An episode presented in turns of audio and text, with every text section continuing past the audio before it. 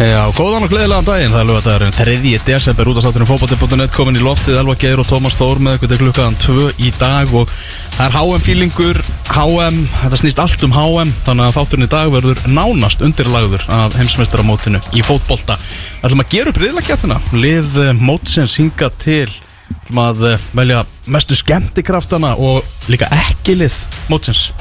Æjæj Já, ímislegt að ræða, hérna svo ringdi Sæbjörn Stænkið í ger í Gumma Reyðas, aðeins að ræðum Þískaland, ætlum að heyra, heyra það viðtal og, og eftir í þættinu Segðu mér eitt. Já, Endaði Gumi Endaði Guðmundur Reyðarsson Hjá Jamaiku eða ekki?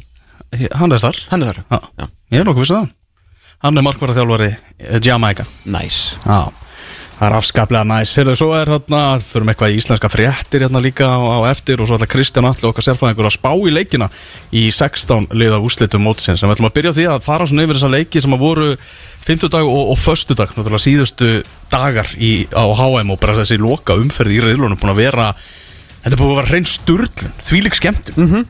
Sko þetta er hérna búið að vera mörgu leiti stórmerkilegt uh, fótballtamót því að uh, þetta byrjaði nú ekkert sérstaklega vel. Við vorum konum með fleiri 0-0 jættibli þarna á fyrstu fjórum dögunum hvað var, þresasunum magni sem var á, á háum í Rúslandi sem var afskaplega hérna, skemmtilegt móð, eða svona, jú, vel hefnað allavega. Mm. þannig að þetta fór mjög alveg lötur hægt á stað. En síðan einmitt, eins og sér, og sérstaklega svona síðustu vikuna hefur þetta verið alger vitleysa sko. Maður er bara búin að standa upp og öskra og telja upp gulspjöld og alls konar. Já sko, ég er bara ekki nógu sleipur á svellinu hérna, það meika ekki sens. Já, ég er allan ekki nógu öflugur. Á skautum. Á skautum, það er enda rétt, ég er Já. ég er ekki mikil vet, vetra í þetta maður Hei, Pál Sævar, hann Hann er að fara að lýsa pílu í allt kvöld en hún er að byrja í kvöld Það er stjörnupílan með Já, annars. stjörnupílunum Ah. Herru, já, allavega, hérna, búið að vera hreikalega skemmtilegt mót og ég ræði ekki við hérna, eins og þú sáu þegar ég var að setja í grúpuna hjá okkur þremur þannig að þegar ég var að segja eitt, eitthvað lið væri dotti úr leik og svo bara áttaði á því að þeir voru bara uh, basically komin í úsletaleikin sko. Að ég, hérna, þess vegna er hérna, þegar reyðillin kemur upp í hodninu Já, það er lifesaver með þessa bilun sem er búin að vera í gangi núna. Já, það er þannig sko. Bara útskýring takk. Mm.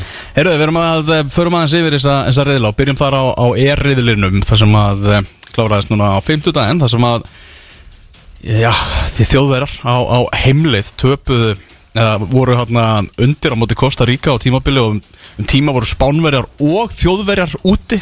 Það var rosalegt. Mm. þegar Kosta Ríka komst yfir á móti Þískalandi það var svakalegt. En Þískland að endanum að klára þann leik 4-2 en það sem að Japan vann Spán á sama tíma 2-1 í leik sem að Spánverða virtist nú ekki hafa neitt allt og mikil áhuga á að vinna. Svona þegar við vissu það að þjóðverða væru að klára þetta á móti Costa Rica. það svona, þetta var, var svona Barcelona spilamennska menn að láta boltan bara ganga lítið á okna markinu. Enda börsungur á ferði í hérna í þjálfara hérna í þjálfara hlutverkinu að hann hafi reyndar uh, slögt á þessum grútleðilega tekið taka fótbolta sem að tröll reið hér knaspinu heiminum lengi vel þegar hann tók upp hérna bassaliðinu og spilaði um tölverð skemmtilega já. að hérna já þeir svona þetta var hvað sagði hann? Hann hafði ekki vitað fyrir á miðnætti að þeir hafi verið í öðru seti já. það var eitthvað þannig Já, og hann hafði ekki, þú veist, vita það þegar þeir voru á útleið í, í, í keppninni, hafði ekki haft hugmyndu það Nei. Hann sagði, ég var bara að hugsa um það að reyna að vinna þennan leik mm, mhm. Einmitt Einmitt.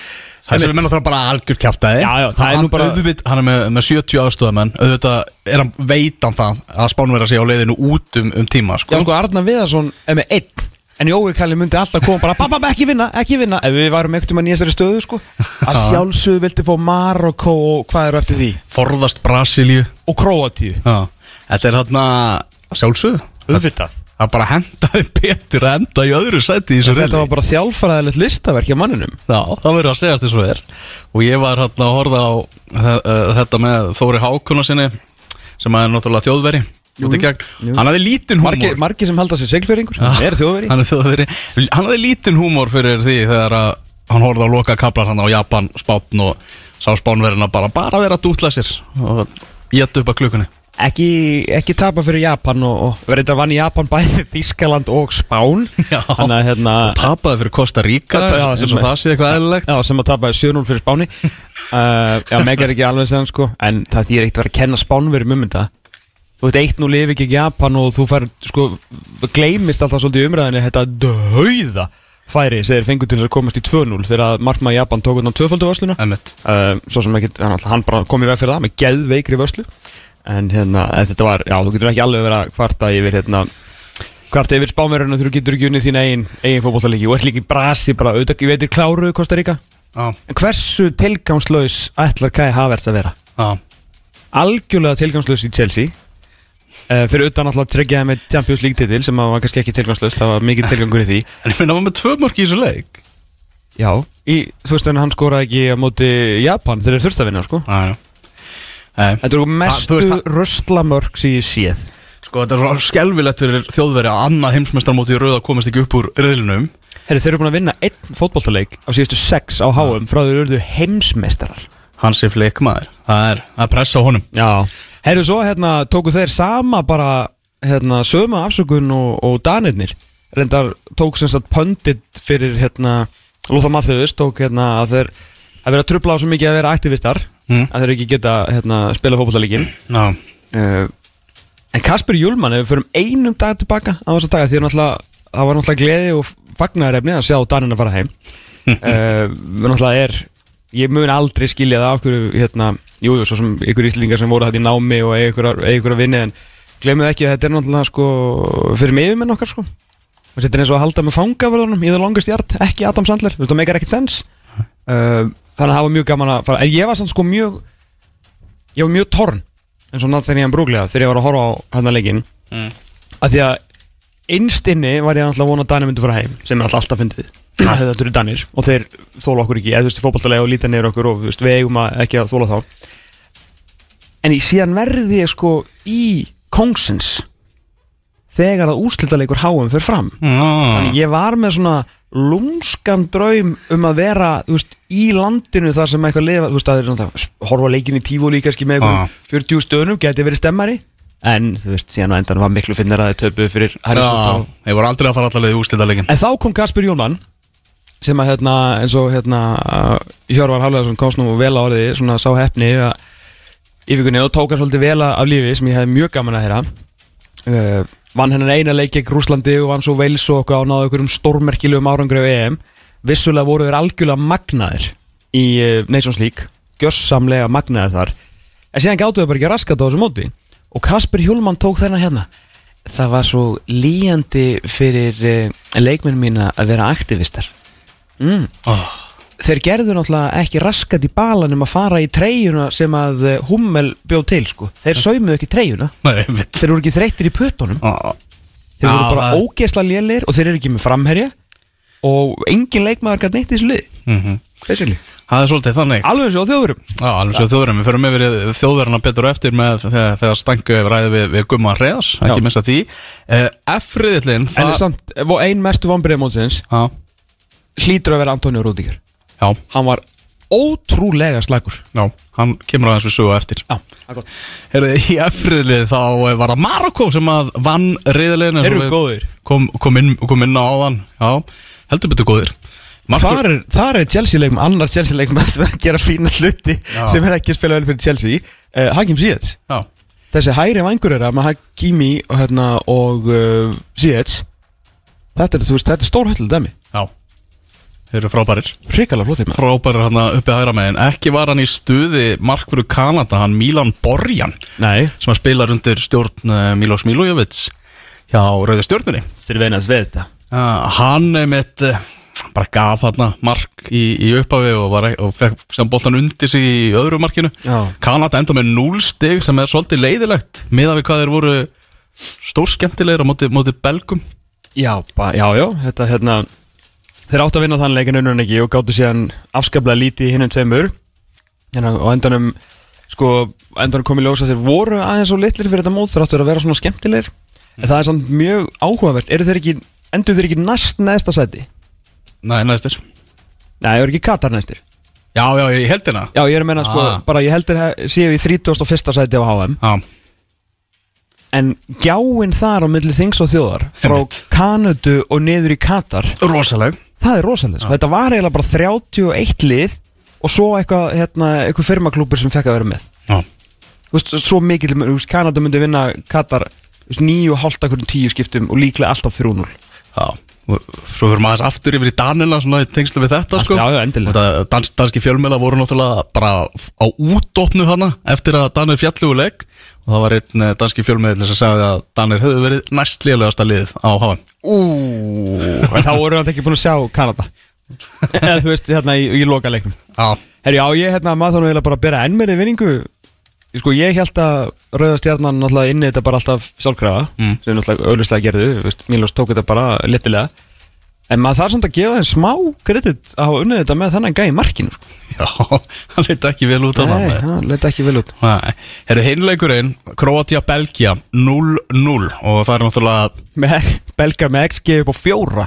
Herru, já, og það að tala um XG Romelu Lukaku í setni háleik með 1,98 í XG Hann einn og sér Marokko yfir alla riðlakjarnina 1,35 Hvað skoraði mörg mörg á endanum? Þrjú? Já. Þeir enda með fjögumörkur Þeir skoruðu fjóra, Já, ok skoruðu fjögur, fengu eitt á sig. Og hann að bara í setni háleik Lukaku kom inn á í háleik Það var hann með herra XG Einn og sér heldur en allt Marok marokkoska lið í riðlakjarni Það var sem sagt fyrsta döðafærið þegar hann setur hann í innanverða stöngina það er bara pjúra áöfni hérna, annað, þetta átti að vera aðeins svona, svona fast og töff í stæðan fyrir að ídónum bara þarna inn en þú veist, maður, það var bara áöfni ég ætla ekki að lasta hann fyrir það. En annað færið, skallafærið þarna fyrir uh, einna múti markmanni Já, það var frammeri sem að var að koma aftur eftir meðsli Þú veist, hann var einhvern veginn, hann var ekki það vantaði þetta sharpness, það vantaði þetta edge að að reikna bara með því eins og alvöru frammeri gerir og hann hefur nú gert þess að skora þúsund mörg af ferlinum að bara ákveða inn í hausnum að miðvörðurinn er ekki að fara að ná þessu og þú ert að fara að fá frían skalla. En hann gerði það sem að slakari framherjar gera og reiknaði með því að varnamæðurinn myndi skallan í burtu og þess vegna kom hann á óvart að hann fekk þetta færi og þá náði hann ekkert að beita sig almennilega og skallan þar lendi yfir. Mhm. Romelu Lukaku fitt skallar þetta sláinstöngin inn sko. Já, sá í ítölsku fjölmjölum að forðamenn Inter hafa bara stóra ágjör á því að Lukaku sé að fara að taka þetta sár frá HM bara með sér núna til Ítali það er, það er verður ein af bara stúdíónum stúdíunum í hérna, rannsóknunum í kringum það sem að hérna, eftir þetta mót fyrsta vetramótið.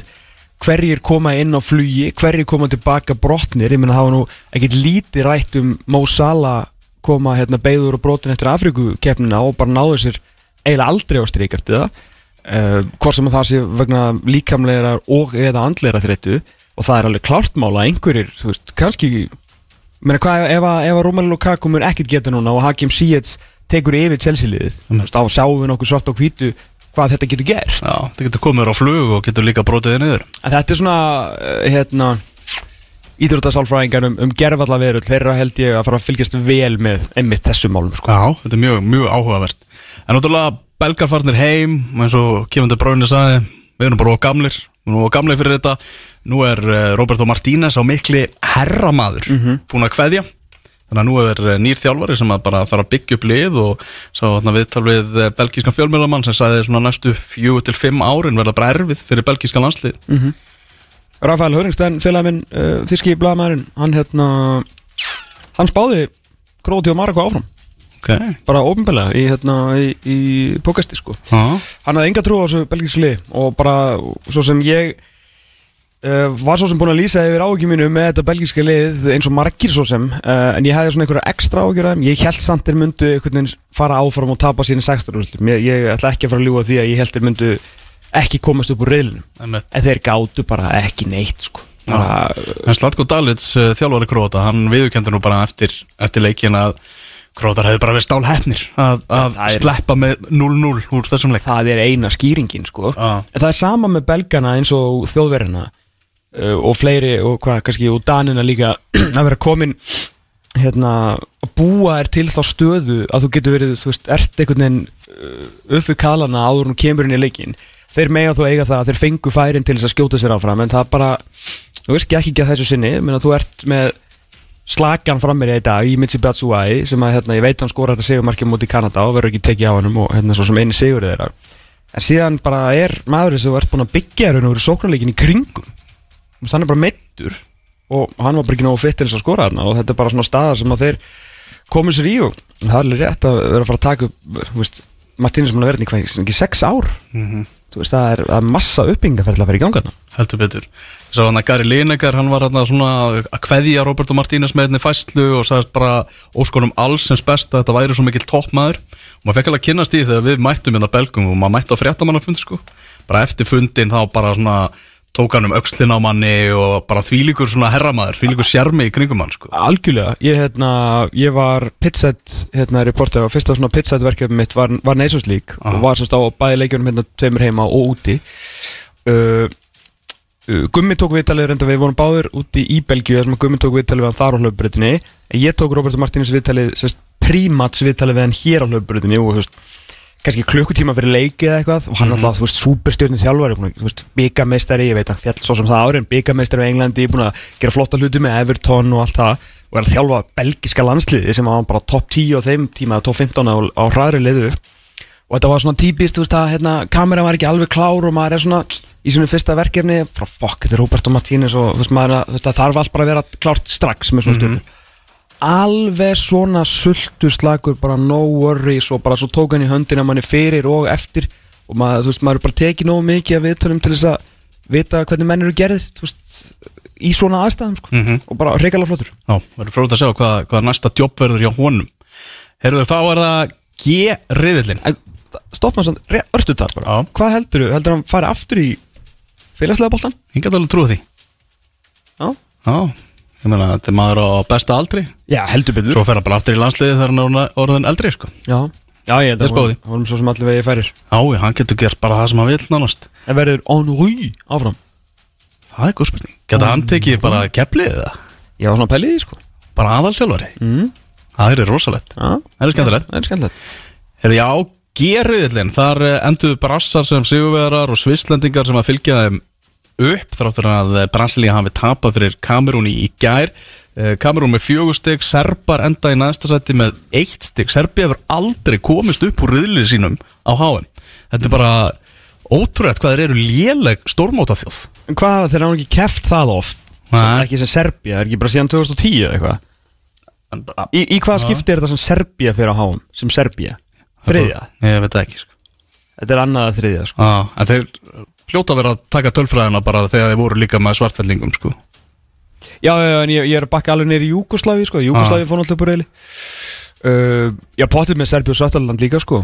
ah. En það er bara þetta er svo merkilegt með hver eru fótboltabrjálæðir og hérna og mikil íþróttaþjóð, alveg svo króðanir með þess að geggjuð íþróttaþjóð að þeir eiga aldrei sko minnst aldrei eiga nógu mikið magna leikmunum og aldrei eitthvað svona superstjórn til þess að einhvern veginn emmitt bera það á í svona leik Það vantar eitthvað svona Luka Modric í þeirra lið eitthvað sko. þannig, ah. eitthvað svona sem að veist, í stöðunni 2-2 þá tekur serbneski Luka Modric yfir leikin og tryggir þeim sigurinn á þetta moment ah. þú veist, besti leikmaður Serbíu í mörg ár og þá er mér sko lang besti leikmaður Serbíu í mörg ár var miðvörður mm nema Nevidic og það, það er svo sem alveg fínt en hann kannski gerir minna svona fram á við þú ert að leita að einhverjum mörgum sko. Við ég veit að Milinkovic sagði þessi frábæð leikmaður ég veit að þú veist hérna hann uh, Dusan Lahovic, flottu leikmaður og hann er bara þú veist ekki spila vel núna.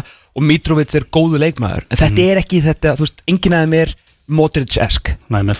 og Vlahovic náttúrulega kemur mittur inn í þetta Eh, mót einmitt, og, einmitt. og við fengum bara loksins í gær að sjá Vlahovic og, og Mitrovic saman og skoruðu báðir. Ákala og Vlahovic sanna greipum miðfótinn um, um djásnið þegar Mhm. að fagnaði. En þetta búin að vera mikið í slúðurblöðum í, í Serbíu talað um það að hann hafi sofið hjá eiginkonu varamarkvarar Serbíu Predrag Rajkovic og hann hefur bara neita fyrir það og, og þetta var ákveðin skilabóð þarna í þessu fagni hjá honum. Þetta er, þetta er alltaf, alltaf stuð.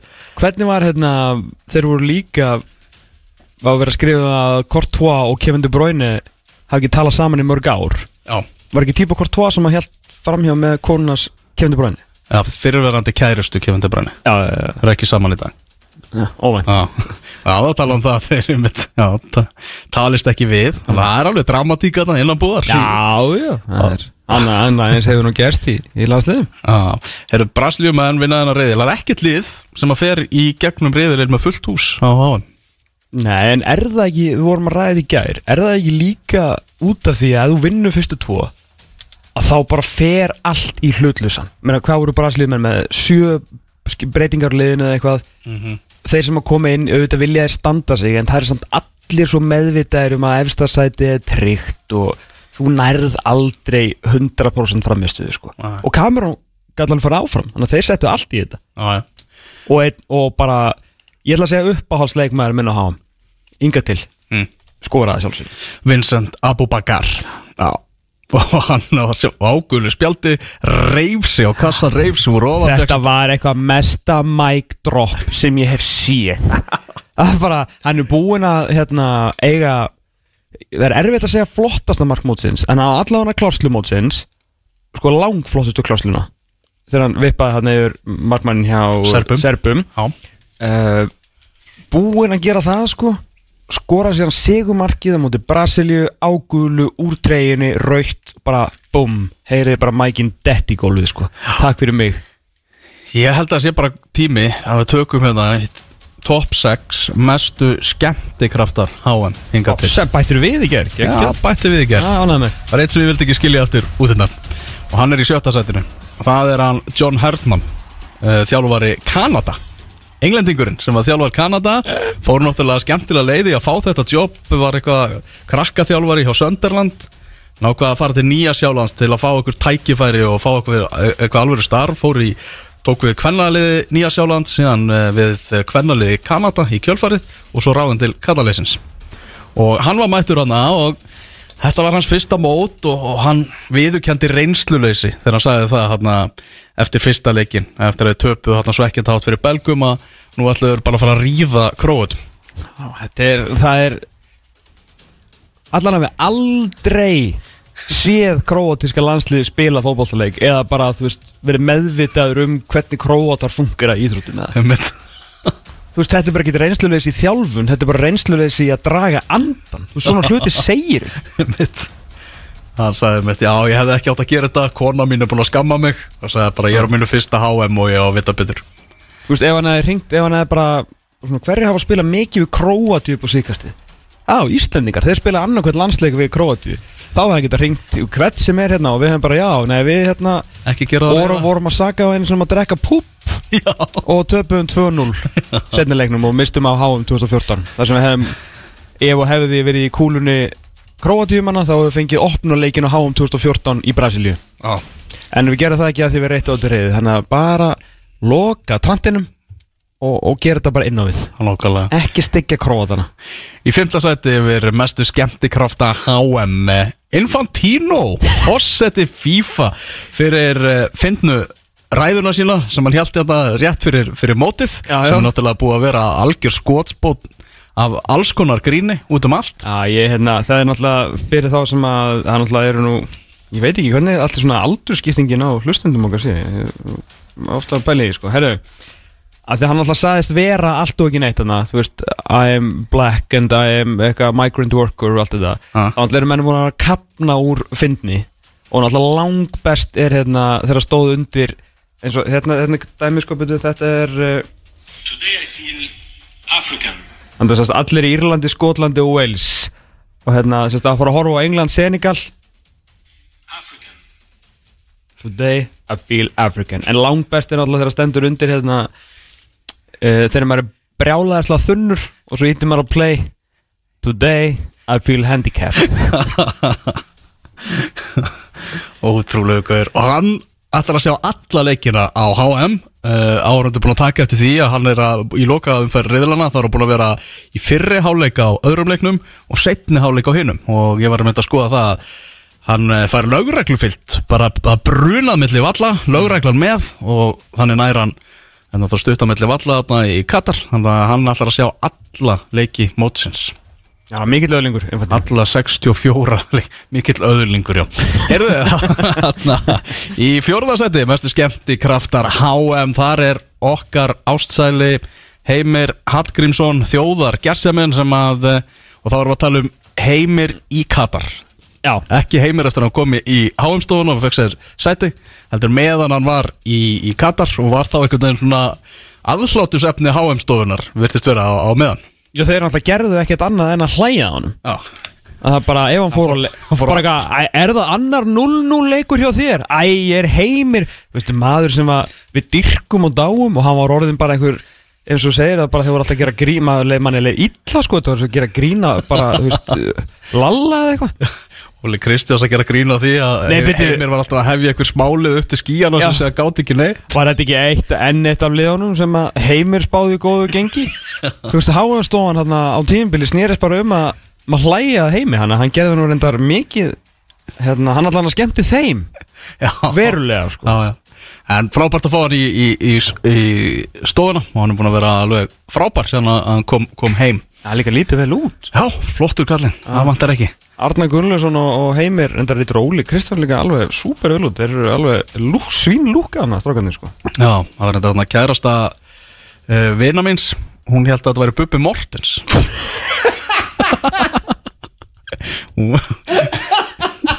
Hún bara gessa hana Hún fattaði ekki akkur Bubbi Mortens væri alltaf í þessum fótboltaþáttum. Já, hérna kærasta félaga kunningja minn sér þetta að veri Benny Bóas. Já, ok. Nei, þetta var svona, þú veist sko, Þetta voru bara, þetta eru sköllótta fordómar skilur Þeir líta allir eins út. Já, já Herði í þriðja seti, mestu skemmtikraftar HM, þar erum við að tala um skoska ástralan Harry Sútar, miðvörðin, hvorki meira enn minna, sem að, ég ve- veit að Þorgett Gunnar, hann er sko efstur, í, fremstur í vagninum, aðdánda vagninum á þessum gæja. En hann skemmti kraftur Algjör skemmtikraftur, geggjaðu gæi, Já. Hann kasta sér fyrir allt og, og, og, og ekkert. Og hefur náttúrulega aldrei búið í Ástralíu. Hann hann spilaði fyrir yngri landslið eh, Skota. Og hann er sko að taka samt Ástralíu alla leið, mætti á mótið er með skjaldamerki Ástralíu tattuverað á sig. Og eh, tölurna 606 vegna þess að hann er 607. leikmaðurinn sem spilar fyrir landslið Ástralíu.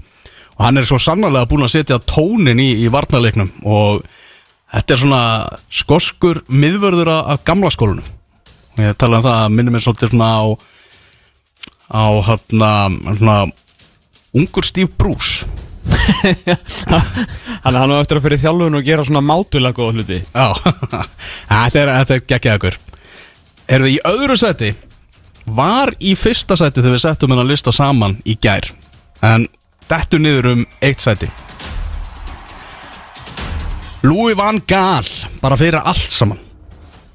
Já. Hann er að stíga síðasta dansinn á, á stórmóti og hann veit það og, og hann er bara mættur þarna til að skemmta sér.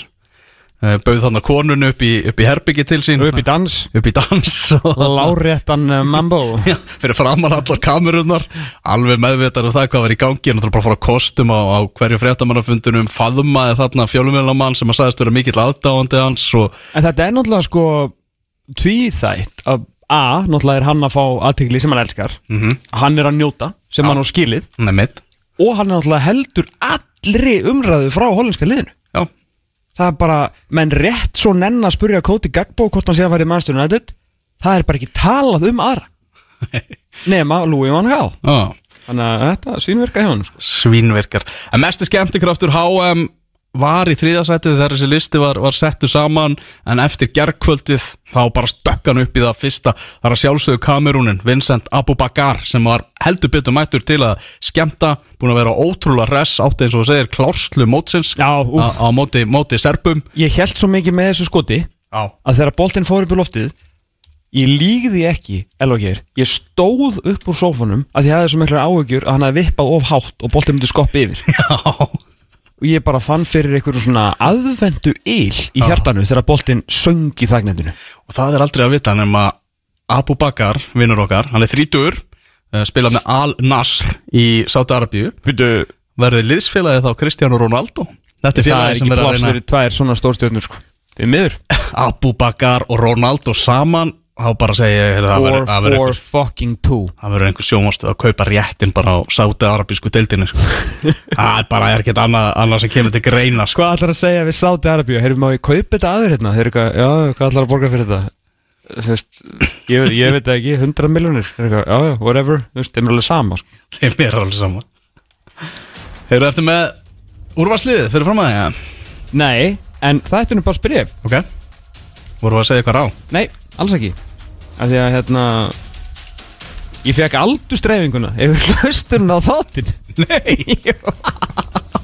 Er hún til? Hún er til. Okay. það, er bara, það er svona eitt þriðji eh, uh, sirkabát sem hlustar á hún á þátt í húnu Spotify, þannig að þetta eru Spotify tölur. En Aha. það er samt alveg, þú veist, nokkuð þúsund manns. Þannig að þetta er alveg ágættis úrtak. Þannig að 20% eru 23 til 27 ára.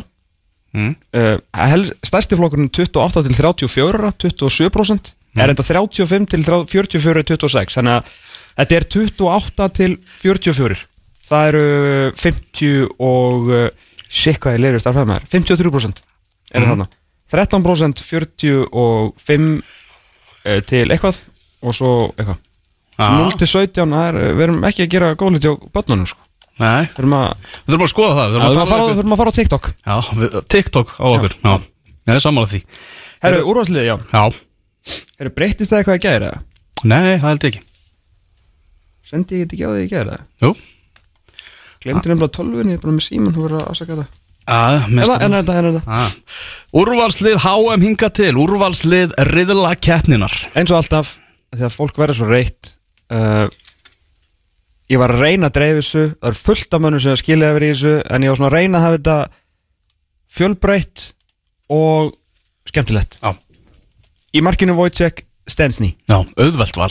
Er auðvitað Já, og þú veist, það er ekki honum að kenna að Póland reyndi ekki í síðasta leiknum. En, Einmitt. og, og, þú veist, og margir leiki líka sem vo- eða svona reyðla sem að snýrist bara um fyrstu tvo leikina. Þannig að Wojciech Sessni í markinu er sjálfsögðu hæri bakurur Akraf Hakimi. Uh, vestri bakurur er Jordi Alba hjá Spáni. Um að það var erfitt að finna vestri bakur. Þetta er alveg lélægasta staða mótsins til þessa. En, hérna, en hann, hann var góður í þessu þýskalandsleik og ég var nú aðeins að kíkja á ég var að nota augun, þetta er mikið eye-test þetta er mikið feeling Mm. en svo reyndi ég að bakka þetta upp með húskort hérna tölfræðinni líka já, ok og, og Jordi Alba er sko langastur að vistri bakur þar Ég er með, með, með eitt sjátt í Vesturbakurinn ok, kom með Þarna Tío Hernández sem að náttúrulega fjekk greip bara gæsina þegar Lukas bróður að smittist í, í fyrsta leik Já. og, og er búin að vera frábær í, í vinstri bakverðinum hjá, hjá frökkum ég get sagt þér það, ég get greint frá því núna Já. ég get opinberað það Mm. að hann líklega ætti að vera þarna en ég vildi, mér vantaði spá mér þannig að að afsaka. Miðverðir, augljóslega Harry Sútar. Já sjálfsögðu. Segir Skemmtikrafturinn. Og ég ætla að segja næsta stórstjarna í miðvaraheiminum. Hmm. Josko Guardiol hjá Króti mm Ég var ánægð með einar örn í lýsinguna. Myndi reglulega á það að Gaurin væri tvítur Já. því að hann er sannarlega ekki með lúkið fyrir að vera Eh, tvítur Nei. Þetta er gæði sem að hérna, Vá. Ég fæ bara svona Fæ svona vintage vibe frá hann ég. Þetta er bara gæði sem að stóru Fyrir hvað spilar hann? Leipzig. Hann er, að ok. Ah. hérna, Þetta er bara eitthvað sem að þeir þurfa að kaupa strax í januar Sikk hvað er góðum þær Ekkert aðeinslega góður sko. Herra á miðunni Bruno Fernandes. Mm. Já, Portugal. Búin að vera algjörlega frábær uh, á þessum móti. Eftir að hafa verið nú svona tæpur að komast í liðið í Nations League. Mm -hmm. hann var nú ekki alltaf í liðinu þar. Virkilega góður líklega besti með maður, já þú veist Bruno Fernandes er náttúrulega gerir gott tilkallar til en uh, Casemiro? Algjörlega geggjaður í Já. brasilska liðinu. Ó, Neymar valdan besta miðjumann heims já. undanfæran ár. Og Tite líka fyrirmót. Þannig að hann er góðan stöðning frá aðal mönnum Brasilíu. Manchester United leikmenn hafa verið að standa sig vel á þessu móti. Ég meina Harry Maguire og Marcus Rashford gera alveg tilkalli til að vera, vera í þessu liði líka sko. Harry Maguire var bara, ég myndi segja hann veist hann er fyrsti varamæður sko. Já, ég, bara, ég þurfti að eiginlega velja á milli hans og Jósko Guardiol, það er náttúrulega fárulegt að reyðstur enska boltans ég ekki með einn englending í þessu liði eftir þeir unni fengur sjö stig en það verður bara að hafa það að hérna, þeir allir, koma allir inn á bekknum hann englendingandir uh, Eru Casemiro, Bruno Fernandes og minn maður þannig að þú getur rétt ímyndað ykkur það er náttúrulega ekki sjens að færi fram úrváðsliða þannig að ég myndi setja bandarækjaman í lið og það er að sjálfsögðu næsta superstjarnan í sexunni í heiminum Tyler Adams, Já. Captain fyrirliði bandaríska liðsins Mhm. og ekki síst fyrir að pakka þessum írana saman hann á blagamannafundunum Þú búin að sjá það? nei Men jú, ég sá það Vá, hvað var Til að byrja með, þá Já. heitum við Íran en ekki Iran Já. bara ok, sorry, við erum bara bandarækjumenn, afsökið og hérna, hvernig finnst þér að spila fyrir hérna, þjóð sem að hatar hérna, svartamannin þetta svar, þetta var bara allt sem að bandaríkin og bandaríst uppbeldi á íþróttamönnum og ungmennum í svona kannski betri skólum hérna snýðst um. Bara frá því að þeir þurfa fyrst bara fimm ára gamleir að mæta með hamsturinn sinn og standa fyrir fram á bekkin í show and tell og útskýra hvað þetta er og þú veist, þú læri bara að tala, læri bara að tjá þig og svo ferði náttúrulega í fjölmeila skóla og það er hugsað um þessa íþróttamenn kalla á konur, hvernig er ég að koma fram hvað er ég að segja, það var ótrúlegt svar en þetta var svona ekki velrænt, hann var líka bara að tala frá hjartanu sko. Hlustum aðeins á þetta You bara say you support the Iranian people, but you're pronouncing our country's name wrong. Our country is named Iran, not Iran. Please, once and for all, let's get this clear. Second of all, um, are you okay to be representing a country that has so much discrimination against black people in its own borders? And uh, we saw the Black Lives Matter movement uh, over the past few years. My apologies on uh, the mispronunciation of your country.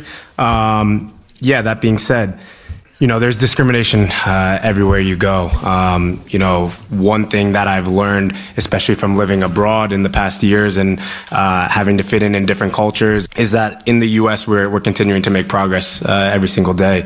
I grew up in a, in a white family with an, obviously an African American heritage and background as well. So um, I had a little bit of uh, different cultures, and I, I was very very easily able to assimilate in different different cultures. So um, you know, not everyone has that that ease and uh, the ability to do that, and obviously it takes longer to understand. And through education, I think it's it's super important.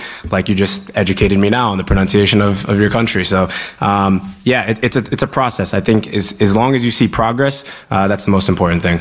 Fíli svar, þetta er geggjaði gaur maður líka bara, ég get svo rétt ímynda mér það vantaði svo mikið hitt sjónarotni á blamanni sem verið bara eitthvað djöfull, Af því hann ætlaði bara að æsa. Þú veist, þetta var eins sem það snýrist um sko. Einmitt, Tyler Adams tók þetta upp á tíu. Já, og er líka bara frábæra á þessum móti. Einmitt. og hann hérna, hvað heitir hinn strákurinn minn, hérna Músa, Já. hann er líka verulega góður. Einmitt, Valencia strákurinn. Já, hann er hérna búin að hreikala flottu líka en, en Tyler Adams er svo geggjaður sko.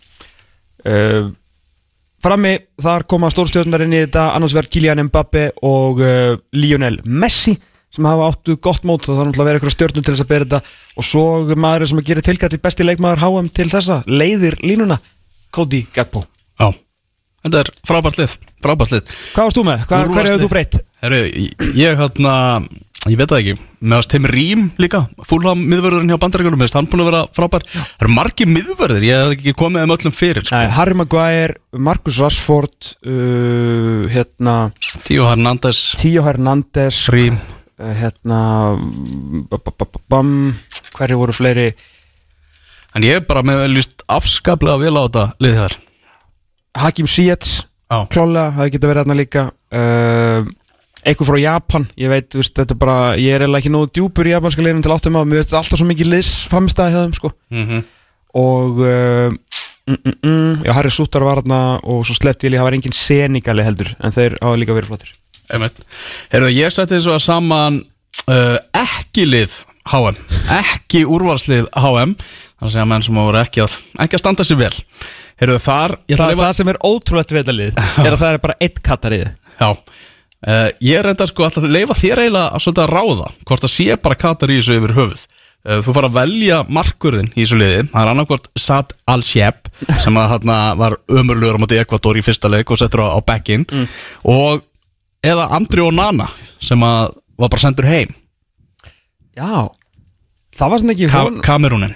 það var svona ekki honum að kenna ja, hérna, Cameron vill bara, hefur engan áhuga á nútíðamarkurum, þeir vilja bara mann sem velja að verja skot. Aha. þannig að hérna Al-Sheb tekur Já, við ég meina, hann, þú veist, en það er samt Skilur, Já, ve- hvað var það honum að kenna að hann var þarna? Já, Þú veist, hann kann ekkit í marki. Nei. Katarar kunni ekki verja mark Og einhvers þurft að standa þarna Þannig að það er nánast ósangjant En hann var svo lélur, hann verður að fá að vera hann Mér Já, maður var líka að hafa sóknarmenn, sóknar dúettin uh, hjá Katar sem átti að vera svona þeirra helsta vopn, þeir gátt ekki neitt og reyndar fór boltin aldrei til þeirra þannig að það var erfitt að, að gera eitthvað. En uh, já, ekki lið eh, HM, við erum með þarna í vörninni uh, Jóki Mæle hjá Danmörku. Danir farnir heim.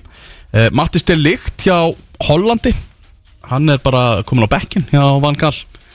Uh, svo er það- bara í fíl. Já, ég veit ekki alveg, það er eitthvað svona ekki alveg gott andrúrsloft í, í kringum hann. Antonio Rúdiger hjá Þýskalandi sem að Almáttur sko, hann var að gera dýrkjöft mistök og svo var hann bara stálheppin margóft með að gera ekki fleiri dýrkjöft mistök og, og var segja með þess að stæla hann á móti Japan, háur, nýjarliftutnar og, Emitt og gæti ekki neitt á þessu móti, Antonio Rúdiger Og þeir frændunar hann að hlið við hlið Hann og David Raum. Þetta er nú bara lélegast að Bara dúóið á Davíð- Rámarinn er einnig í liðinu í ekki liðinu. Jú veit hann liðlega með Já, var þann bakverður uh, Leipzig. Eru á miðjunni Erum við með belgana Eden Hazard og uh, Kevin De Bruyne. Þetta er besta ekki miðja sem ég séð. Já, og með þeim á miðjunni er Kristján Eriksen Danin Það er, mér veist, örlítið illa vegið að Kevin De Bruyne því að hann var að reyna stundum að gefa sendingar og þeir gátt ekki nýttar en svo var hann líka stundum ekkit eðlilega ólíkur sjálfum sér að velja bara rángan hest þegar hann var að gefa sérstaklega þessum þegar hann pekka boltan upp á miðinu og keirir og þú veist, hann velur hjá mæstu sitt í það bara, þú veist, hann velur alltaf rétt og annarkur skora Bernardo Silva Gundogan eða, eða hérna Holland Já. eða Foden eða eitthvað en hann bara gætt stundum ekki tekið rétt ákvörðin til að berga lífið sinu Nei. Það er þetta eitt leikmaður kem ég hann á, á eftir sem að ég er svona villilega tróði í þetta lið. Uh, En þryggja manna uh, sóknarlína Þar erum við með Þú glemdir síðasta miðmenn Já, Kristján Eriksson uh, í Danmarkur Þetta er Hazard, Kivandi Brunni og Eriksson á miðjunni. Uh, Frammi í ekki úrvalsliði HM Darvin Núñez hjá Uruguay mm. sem að, uh, jú, var langskásti leikurinn hans var í gær, vissulega en hinn er tveir bara alveg, hann var skelvilegur Skoraði ekki? Skoraði ekki, ég menna Uruguay þetta, með þessa sóknamenn með Luis Suárez og Darvin Núñez og Cavani og, og Valverde. Og varalinsleikmannin uh, Fagundu Palestri. Já, enginn af þeim skorar á mótinu. Og Uruguay náttúrulega fellur á endanum úr leik á því að eh, við erum náttúrulega eftir þann uh, förum að ég hann hérna rétt og eftir. En falla náttúrulega bara úr leik á því að skora ekki nægilega mörg mörg sko. það er rosalegt. Herri, já, Gareth Bale er að sjálfsögða þarna. Uh, förum ekki að Það er slagættu leikmann hafa alveg skjálfilegur og Andreas Cornelius Danin er hann einnig í sóknarlinni við varum að ræða Valverde, ég var eiginlega til í að koma honum hann líka fyrir. Það er svona persónulega þá var hann gríðarlega vonbreið búin að vera ógeðslega hrifin af hann með, með Real Madrid. Já, tökum þá hérna De Bruyne út já, þeir bráinu út. Hann var svona að reyna. Já, það er bara fínt að belgar eigi bara hérna Eden Hazard á, á miðsvæðinu Já. sem sinn fulltrúa. Þetta var ekki uh, úrvalslið HM, þetta eru þeir sem að voru afskapla slakir í reyðlakjarninu og flestur af þeim farnir heim. En ekki alveg allir. Herðu þarna Háriðillin, við vorum að, að, að fylgjast með honum í, í gæra sjálfsögðu þar sem að uh, Suður Kóri að skora þarna uh, flautu marka á móti Portugal og sem gerir það að verkum að Úrugvæðar fjallu úr leik á HM mikil vonbreið Úrugvæðar á mótinu með skoruðu bara tvö mörg og það voru í, í þau bæði mörkin komið í þessu leika móti Ghana í, í gær. Og þjálfarinn búin að fá mikla gaggrinni skiljanlega fyrir kannski bæði neikvægt upplegg og síðan þessar skiptingar sem hann var að gera. Og það tekur hann náttúrulega Luis Suárez út af í, í gær Pellistri líka og Darvin Núñez að, og svo kemur í ljósa að þeir þurfa á marki að halda, það var náttúrulega flauta lunga undan til leiksloka, í leik Suður Kóri og, Portugal og Suður Kóri menn voru bara að fylgjast með í símanum sínum fylgjast með því hvernig þetta, hvernig þetta myndi enda hjá Ghana og Uruguay og þá koma átta mínútur í uppbóta tíma þar sem að Uruguay lagði gjössanlega allt í sóknarleikin og hefðu mögulega átt að fá vítaspinnu það var hérna þegar, eh, já, Cavani, Cavani, já. og brotið á Cavani og það var svona ekta moment ef að dómarinn hefði dæmt vítið þá hefði þetta staðið, það hefði aldrei verið breytt. En þetta þótti ekki nægilega mikið til að senda hann í, í varskjáin og Uruguayarnir alveg gjössanlega En Cavani fór í varskjáin snældu vitlausir Cavani hrindi varskjánum. Eh, þeir gerðu þarna aðsúk að, að dómaranum. Þetta er alvöru Þetta er alvöru blóð hitti sko. Það geta verið alveg tjúlaðir að Daniel Siebert þjóðverjan sem, að, að dæmdi þennan leik og þeir voru gjössamlega trilltir úrugvæðar og Luis Suárez. Hágrænjandi Já, þetta var Það var ótrúlega að fylgjast með þessu Því að uh, eins og allir vita náttúrulega hérna, hendin hjá uh, Luis Suárez Kían klúra vítinu farið vítaspinning keppni í hvað og hvað. Richard Jolly hérna blagamærinu skérleiki sett á Twitter í gæðir síðan að Luis Suárez uh, handling boltan 2010 hafa verið spilaðar 22 mínútur á milli Uruguay og Ghana á HM uh, auk vítaspinning keppni og Ghana er búin að klúra fjórum vítaspinnum Já, en þeir náttúrulega fóru ansi illa hérna, Muslera fóru ansi illa með hérna í vítaspinning keppni 2010 já, og þeir hafðu getað komist yfir í þessum leik í gær. Já, hann vandaði, sko, ég, ef að Andri og Æjú hefði dreigið andan einu sinni í viðbót Já. þá held hefði ekki drifið á markið. Nei. Þú veist, það er eitt að róa töðunar og svo bara annað að, hérna, að fara að sofa. Ömurleg vítaspinna Ömurleg vítaspyrna. Ömurleg. Ég ætla að segja eitt Ég er einhver almestu talsmaður tækni í fótbolta og ég elska var. Og ég elska hérna þessar rangstuðu tækni og allt það. Ég ég veit ég er búinn að sjá útskýringamyndina á þessari rangstuði aðrenda vítaspinnunar Mhm.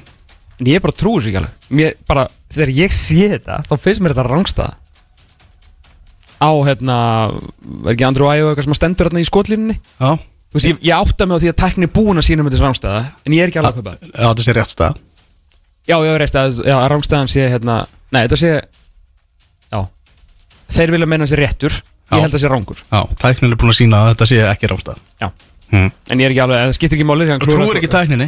Ekki, ekki þarna, já, smá er Já, Eða þú veist, þeir klúra vítinu Fjórða vítaspinni sem er misnóta gegn hérna Uruguay Uruguay komið 2-0 yfir skömmu síðar allt að gerast. Þeir náttúrulega vildu sko og hérna Ghana ekki komist áfram sem þeir náttúrulega hérna, voru ekki að fara að gera þá vildu þeir náttúrulega allt annað heldur en að ófunnu þeirra Uruguay og Luis Suárez færi áfram svo endar þetta með því að þeir fá ekki vítaspilnuna sem þeir þurfa til þess að skora eitt marki viðbót. Suárez grætur ekki rétt ímynda mér að það er bara verið þokkaleg kátína í uh, Ghana ger einmitt.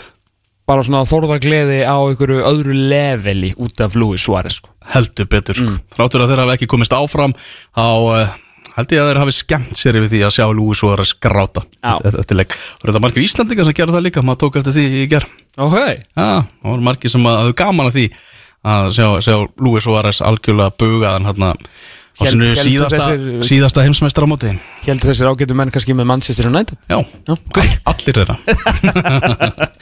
Það er algjörlega þannig. Ronaldo spilaði fyrstu 65 minútnar það kom kannski svolítið á óvart. Hann var í byrjunuleginu, hann hefur örugglega bara viljað það hann, Fleiri mörg, fleiri met. hann er bara að hugsa um CV-ið sitt, það er, það er þannig. Portugal vinnur reyðil með 6 stig og Suður Kórea fer einni áfram, Uruguay og Ghana sem að sitja eftir. Þegar ég sett einn skoðanakunnun á fótbolta.net uh, af hvaða liði verður mesti söknuðurinn á HM Danmörku, Belgíu eða Þískalandi þessi stóru lið sem að sátu eftir, hvað þarf að velja? Ég segi uh, Ekkert Ekkert ef þú pínir mig eitt þá ætla ég að segja Þískaland og það er bara út af Niklas Fullkrug. Já, Þískaland það er með uh, 61% sem að velja Þískaland uh, 25% Danmörku og 14% Belgíu. Það er öllum sama um Belgi Það er öllum sama um Belgíu. Það er bara þannig. Já, það Ekki er Bjarnar Viðars vendar og Arnar Viðars. Já, Það eru miklu belgar. Er aðeins, aðeins undartekningin á þessu? Já, En þú veist, hvað það er öllum sama um Belgi Herðu, Sæpi Stanka talaði við Gummar Reyðars í, í gær Rættu við aðeins, fórum smá trúnó um þíska landslið Heldur gummið með Þískalandi eða? Hann heldur mest af öllum á Íslandi með þíska landsliðinu og þjóðverðar einnig liðið hans Stanka þannig að það var vel við hæfi Jaha. vel við hæfi að þeir myndu fara á, á trúnó strákarnir, Ókei. heyrum aðeins hvað, hvað þeir eru að að segja með, hvernig svona meturu já, hann leik, byrjum bara á leiknum og bara gerk kvöldinu hjá það sem að Þískland uh, dettur úr leika á hvernig metur þetta? Já, þetta var svolítið svona skrítið kvöld, sko, var ég að segja. Það er nú maður svona, maður hafði svona góða tilfinningu fyrir þessu, eins og var reynda að maður hafði bara fyrir mótinu, það verði að segja eins og svo er. Kannski var maður ofur bjassinn að venja, þau verður myndi nú bara spila, spila bara sinn leik og gera það sem eru vanið að gera, það gerði það nú í riðlakeppninni og maður hafði svona kannski ekki rosalega með það ráðgræðan, en, en, en svo fannst þeir sko flottir á móti Japan og svo kom þessi leikur í þó er hafið tappa skiljum svona, svona heilt yfir, sérstaklega fyrir áleik svo voru bara uh, massífir og voru svona svolítið svona þískir í sér fannst mér á móti spáni. Og, og hefði getið unni leikin en svo, svo kom þessi leikur í gær og þetta byrjaði náttúrulega rosalega vel eh, en maður svona, þú veist eh, ef þú gefur anstæðinum að því að þau komum þetta level sko, þá er, er bara einu sem þannig ef þú gefur anstæðinum eitthvað smá blóðbra og hann finnur að hann eigi séns og þá getur allt gerst eins og bara gerðis í gær og þeir komu nú svolítið vel inn á það Arnar og Heimir í, í hérna í uppbytinu fyrir leikin að, að þú veist að fótboltin væri náttúrulega bara svona ólíkitt af tól sko það geti alls gerst og, og, og, sem að gerðist í leikjunum í gær að, að þú veist það vantaði til dæmis bara það að hérna uh, þeir hefðu haldið út uh, hérna, Costa Rica hefðu haldið út uh, þegar voru konir yfir þá voru spánverðið dotnir út. Þetta, þetta var svo þetta var svo það var bara einhvern veginn svo fáralegt en, en, en að samaskapið verðum við að segja það að, að hérna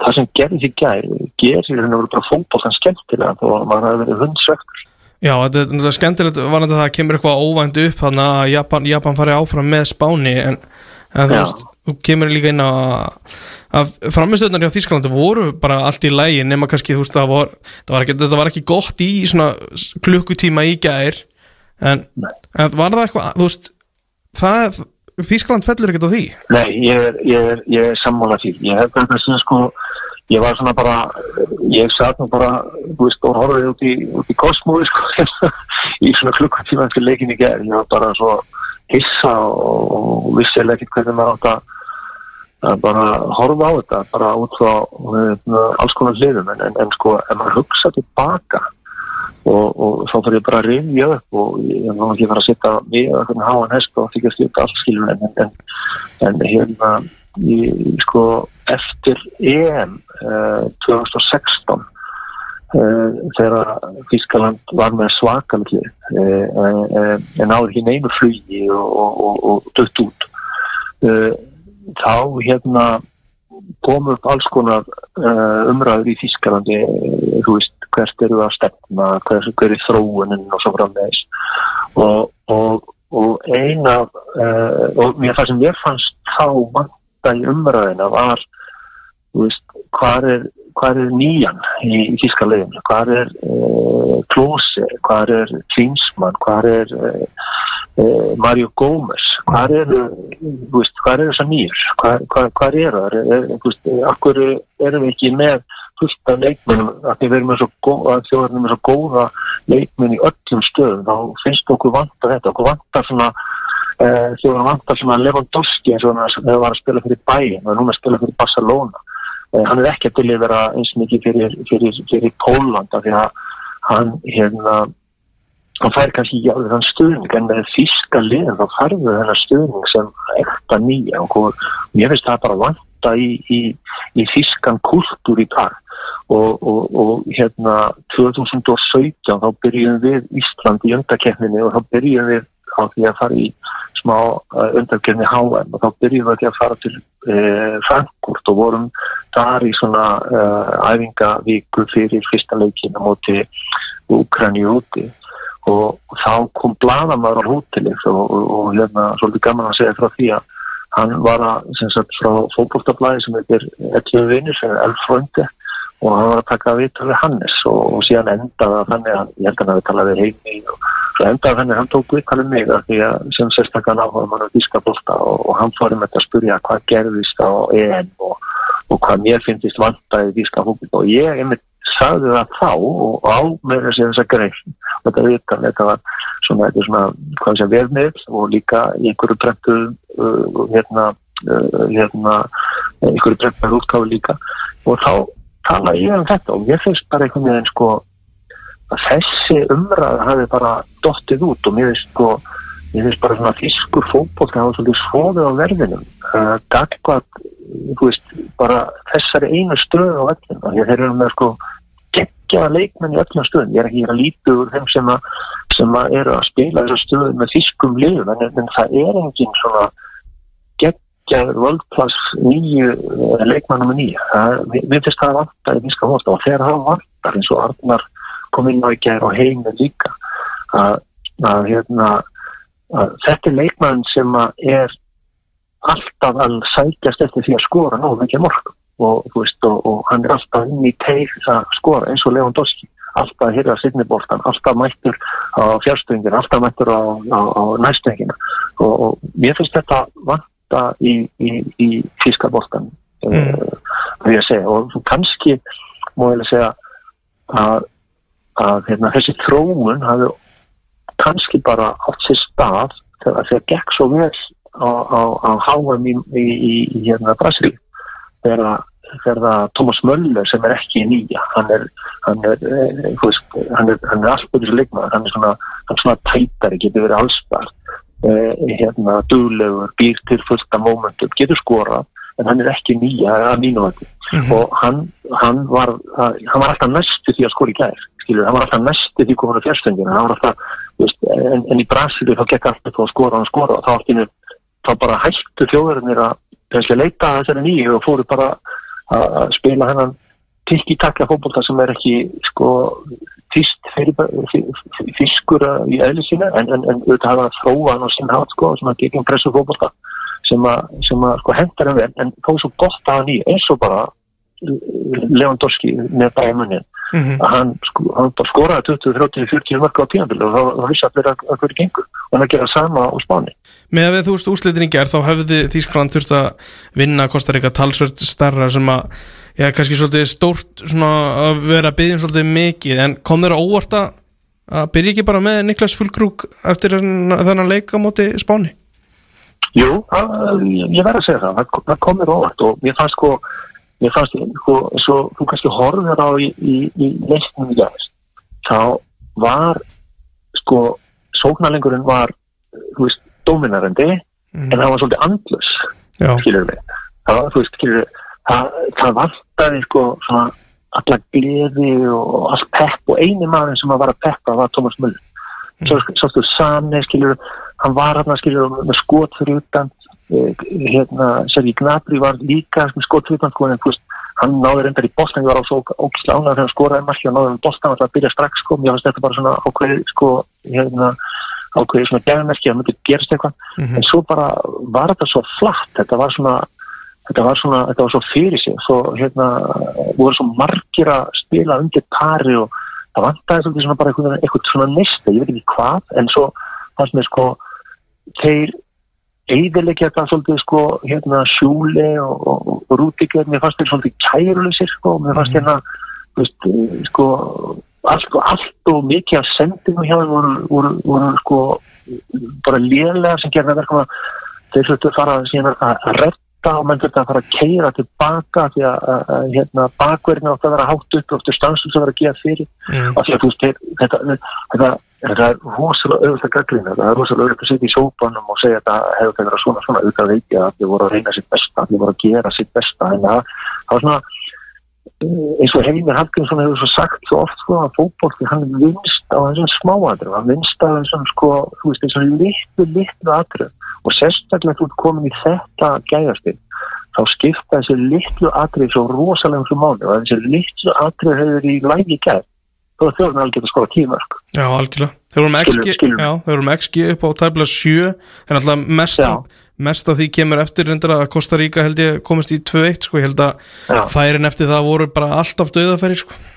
Ak akkurat, en svo við ekki glemma því að í markinu hjá Kosta Ríka er, er frábæð markmaður skilur hann er ágætur. veist, og, og, hann, þú veist, hann- og, og þetta er gæði sem er unnið allt, það má ekki glemma því. Mm. en þetta var hann að var hann náttúrulega bara í, í svona hann var svona eins og boksari skilur sem að vissi að hann er sko lamið niður einhvern tímann í, í, í, hérna í, einhverju þú veist, hann var, að- að- að berða hann var náttúrulega mjög góður í gæð skilur, þó að hérna, hérna hann er ekki sakar um, um þessi mörk en, en, en, þú veist, þetta er svo þetta er svo fljótt að breyta skilur, en mann hefur bara einhvern veginn veit að það er ekki sér að en það bara náðist ekki, það vantaði bara svona einhvern einhvern kynnar, einhvern svona einhvern drápsæli sem er svolítið svona að eins og til dæmis þegar þegar hérna þegar þeir uh, hafa tekið leiki eins og til dæmis þeir spiluðu við brassana, þú veist uh, hérna 2004 og, og, og, og 2014 skilur og, og slátur við leikum mm skilur, en að, þú veist það vantar svolítið svona, það vantar þetta en ég segi bara, ef að ég, ætla að leiða mér að fullir það en þetta getur maður aldrei staðhægt hérna, ég er vissum að hlutin hefði gert svona en ég er bara næstu því vissum það ef að Lewandowski hefur verið fiskur þá hefði hann getur skoða tímur. En þú veist, já, það er einn einn emnilegasti sóknamaður í heimi er í hópnum hjá Þískalandi Yusufo Mokoko Þú veist, Já. auðvitað er það auðvelt eftir á átti ekki bara hendunum í djúbulaugin og svarið er sennilega já, en þú veist, er skiljanlegt að hann hafi ekki bara fengið tækifærið? Sko eftir að ekki er það, finnst mér það að, hann er alveg mátt fá bara tækifærið. En, en sko svo veit maður ekkert skilur hvernig hann hefði hvernig, hann hefði höndlað þetta. En, sko hann er náttúrulega valinn bara til þess að búa til reynslu og, og, og tikkin í, í reynslubanka sko. En ég menna hann er að delivera í búndislíkinni hann er, þú veist, þetta er góðu leikmaður. Þetta er leikmaður sem að þú veist, hann kom ekki með óvart að væri valinn. Hann er ekki búin að spila marga búndisleiki búndisleikuleiki, en en menna, þú veist, hann er, þetta er svona þetta er svona, þetta er svona, hvað ég segja þetta er vonanisti, en ég hefði bara einhvern veginn vilja sjá svona hvað ég segja þýskan kultúr taka upp uh, framleiðslu á leikmanni nú minn ég að við þjóðverðinu var alltaf átt en þetta Algjör, algjörlega. En þeir, þeir eru ekki búin að eiga hann í, í, í 5-6 ár. Mm, Þe- þegar veist, ekki, ekki þennan sko, þennan delivera þennan gæja sem að sem að delivera alltaf. Nei, nei, þeir hafa, Eh, reyndið þetta þú með þeir, eru- með hérna veist, eh, hvað ég segja, töru fullara sem að eru góðir fyrir bantegi og góðir að eh, leika sem er boltan og, þú veist, þú eru ógíslega flinkir. En þeir eru ekki svona direkt nýja. Ég sakna þess. Mhm. ég bara verð að segja það. Þeir hafa reyndið þetta með, með tím og verðinu en það hefur ekki gengið í, í landsliðsbúningnum. En, en að einu öðru gummi sástu loka mínunar hjá, hjá Spána múti Japanum? Já, ég sá það. Og hvað hugsaður? Ég, sko, ég veit það ekki, hérna, ég er náttúrulega rosalega, ég vil eiginlega bara byrja það, með marki sem að, hérna, tryggir Japani, Japan sigur, mm -hmm. eh, hvort að boltina hefur út af, ekki út af, ég menna, er búin að sjá þetta, ég er búin að sjá umræða þótt í Þýskalandi, það sem að, það sem að, er búin að vera að ræða þetta, fram og tilbaka, eh, hérna, eh, þarna finnst mér, sko, ég, veist, það er rosalega erfitt að segja nei og það er rosalega erfitt að segja já. Uh, hérna, en þetta er rosalega stórt aðtrykk en hins vegar verð ég að segja eins og er og, og hérna, ég geta mörguleiki leiti tekið undir hérna, Thomas Möller. Uh, ég ætlum ekki að segja að spánverðin hafa leikið fyrir að tapa, það gerir það enginn. Það, það er ekki hægt í fótboll að fara á öll og alltaf leikið fyrir að tapa, það er ekki hægt. Það er bara, ég kaupi það ekki. En, en, en ég fannst vanta uh, sko mistan í, í, í, í, í, Spá- í spánverðina. Mér fannst hérna að því að Arnar talaði um það veist, að spánverðinu væri ekki eins og þjóðverðinir. Þeir fóru bara hérna, þeir spila alltaf, alltaf eins en þeir mér fannst þeir ekki spila eins. Mér fannst einhvern veginn svona eins og það er bara, það er bara slökna á þeim og ég veit ekki af hverju. Það er bara einhvern veginn gerðist en, en ég ég hérna já, ég var, ég var í raun og mjög svektur og ég sko ég vil leifa mér ég vil leifa mér og, og alltaf segja það að hérna að það er ekki gott fyrir spánverið að hafa tapað þessu leik það er ekki gott fyrir Argentina að hafa tapað hérna, leik eh, á móti Japan það er ekki gott eh, hérna, fyrir frakkana að hafa tapað eh, hérna. Mhm. allt þetta Já, Argentina sát, sátunum mennur í já, fyrsta- já, já, það er ekki gott vegna þess að öll þessi þrjú stór, stórveldi fyrir að tapa hana leikum sem, þeir eiga að vinna. Mm. þau eru að gefa liðanum sem eru að fara að spila við núna og eiga samkvæmt bókin að vinna fórsendur til þess að segja við, við erum ekki að fara að tapa á móti við erum að fara að vinna þess vinna þess að þjóðis og ég held að, að þegar þú lendir í svona sko, nema að þessi sko, þú veist bara pjúra óheppin og, og þú veist og þú ætti bara stöngin út af skilur. Mér fannst þess að þjóðir allar þrjár ekki að stöngin út af í þessum, þessum leikjum sem þau töfðu mér fannst það bara að vera, mér fannst þau bara að vera áhugaðlausir og, og svona, svona að, að horf með við hvernig ég horfði á leikina. En, en sko, og það er alltaf hættulegt að, að þú veist að vera ekki með alltaf með drápsælið í, í farteskin Mhm. og ég er ekki að segja að þeir að fara út í þess að leiki til þess að til þess að hérna, tapa þeim en, en, en, en þetta er svona svona óþægileg óþægileg staða sem að þau, þau kom sér í og, og, og, og held ég að geti komið um, um koll, það er að segja. Það gefur anstæðingan sem það fara að spila við fullt til til þess að segja bara við erum ekki fara að tapa á mótum síðan, við erum að fara að vinna þess Það er 20 í þessu sem maður langar að, að taka í viðbóta því að ég er mjög tapsórmaður og í gæð þá hugsaði ég tvent, ég hugsaði að að hérna Luis Enrique þjálfari þjálfari Spánar hefði verið að ljúa þannig að vissi ekki hvernig staða var í hinulegnum og hann, var ekki að segja það Nei, hann er náttúrulega með einhverja endalösa aðstofmenn, það er alltaf 100% meðvitið hvernig staðan er innum einn og svo var það að mér langar, mér langar að breyta reglum að háum þannig að það er dreigi í sérstálústit Vá hvað ég er ánæður og skulle segja þetta, veistu það?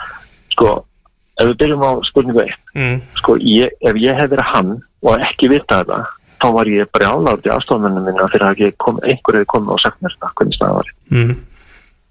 Einhver hefði bara komið og sagt mér það vegna þess að sko, gefum okkur það að leikurinn hefði bara til að tapa leiknum eh, eins og hann var ekki 1-2-1 þjóðverðin hefði tapað líka Algjörlega hvað er hann sagt þá? Mhm. Já, ég, vil, ég vildi bara hann, hann, er- hann er bara hann er, hann er, hann er rekið allan bekkin sko. Já, ég sem þjóðveri vildi bara nánast að, að Þískaland myndi gefa þeim þrjú mörkarni upp á tíma og henda bara spánurum heim sko. Já, ég, ég, var, ég, var, ég, ég var alveg það sko ég, og ég, ennáttur ég segi, ef hefum alveg sko pjúra nýju, bara, ef hefum bara haft uh, mjögst á klósið, bara gefum hvað það mjögst á klósið væri, hefði verið 29 ára gammal og hann hefði verið það, hann hefði ræðið sko, Mm, mm. ég, ég er alveg þar og ég, spurningum við tvö með dreigin, ég, ég, ég skil þetta ekki akkur, akkur, og sérstaklega ekki núna er þetta haldið í Katar mm. það eru, það, það eru líkuð að sé korter á milli valla, sko, þú þú, þú, þú tekur bara rútu og, og keiri í löglu og tekur korter og þú tekur næsta. Sko, hérna, akkur má ekki draga? Akkur má ekki draga í sessamleik og, þá- og alveg sama þó að þetta hefur verið haldið í Úsland, þá bara draga Mm. og þá bara breytir þú um, um, um, um hérna, um, um stað og flýgur, og, flýgur í næsta leik.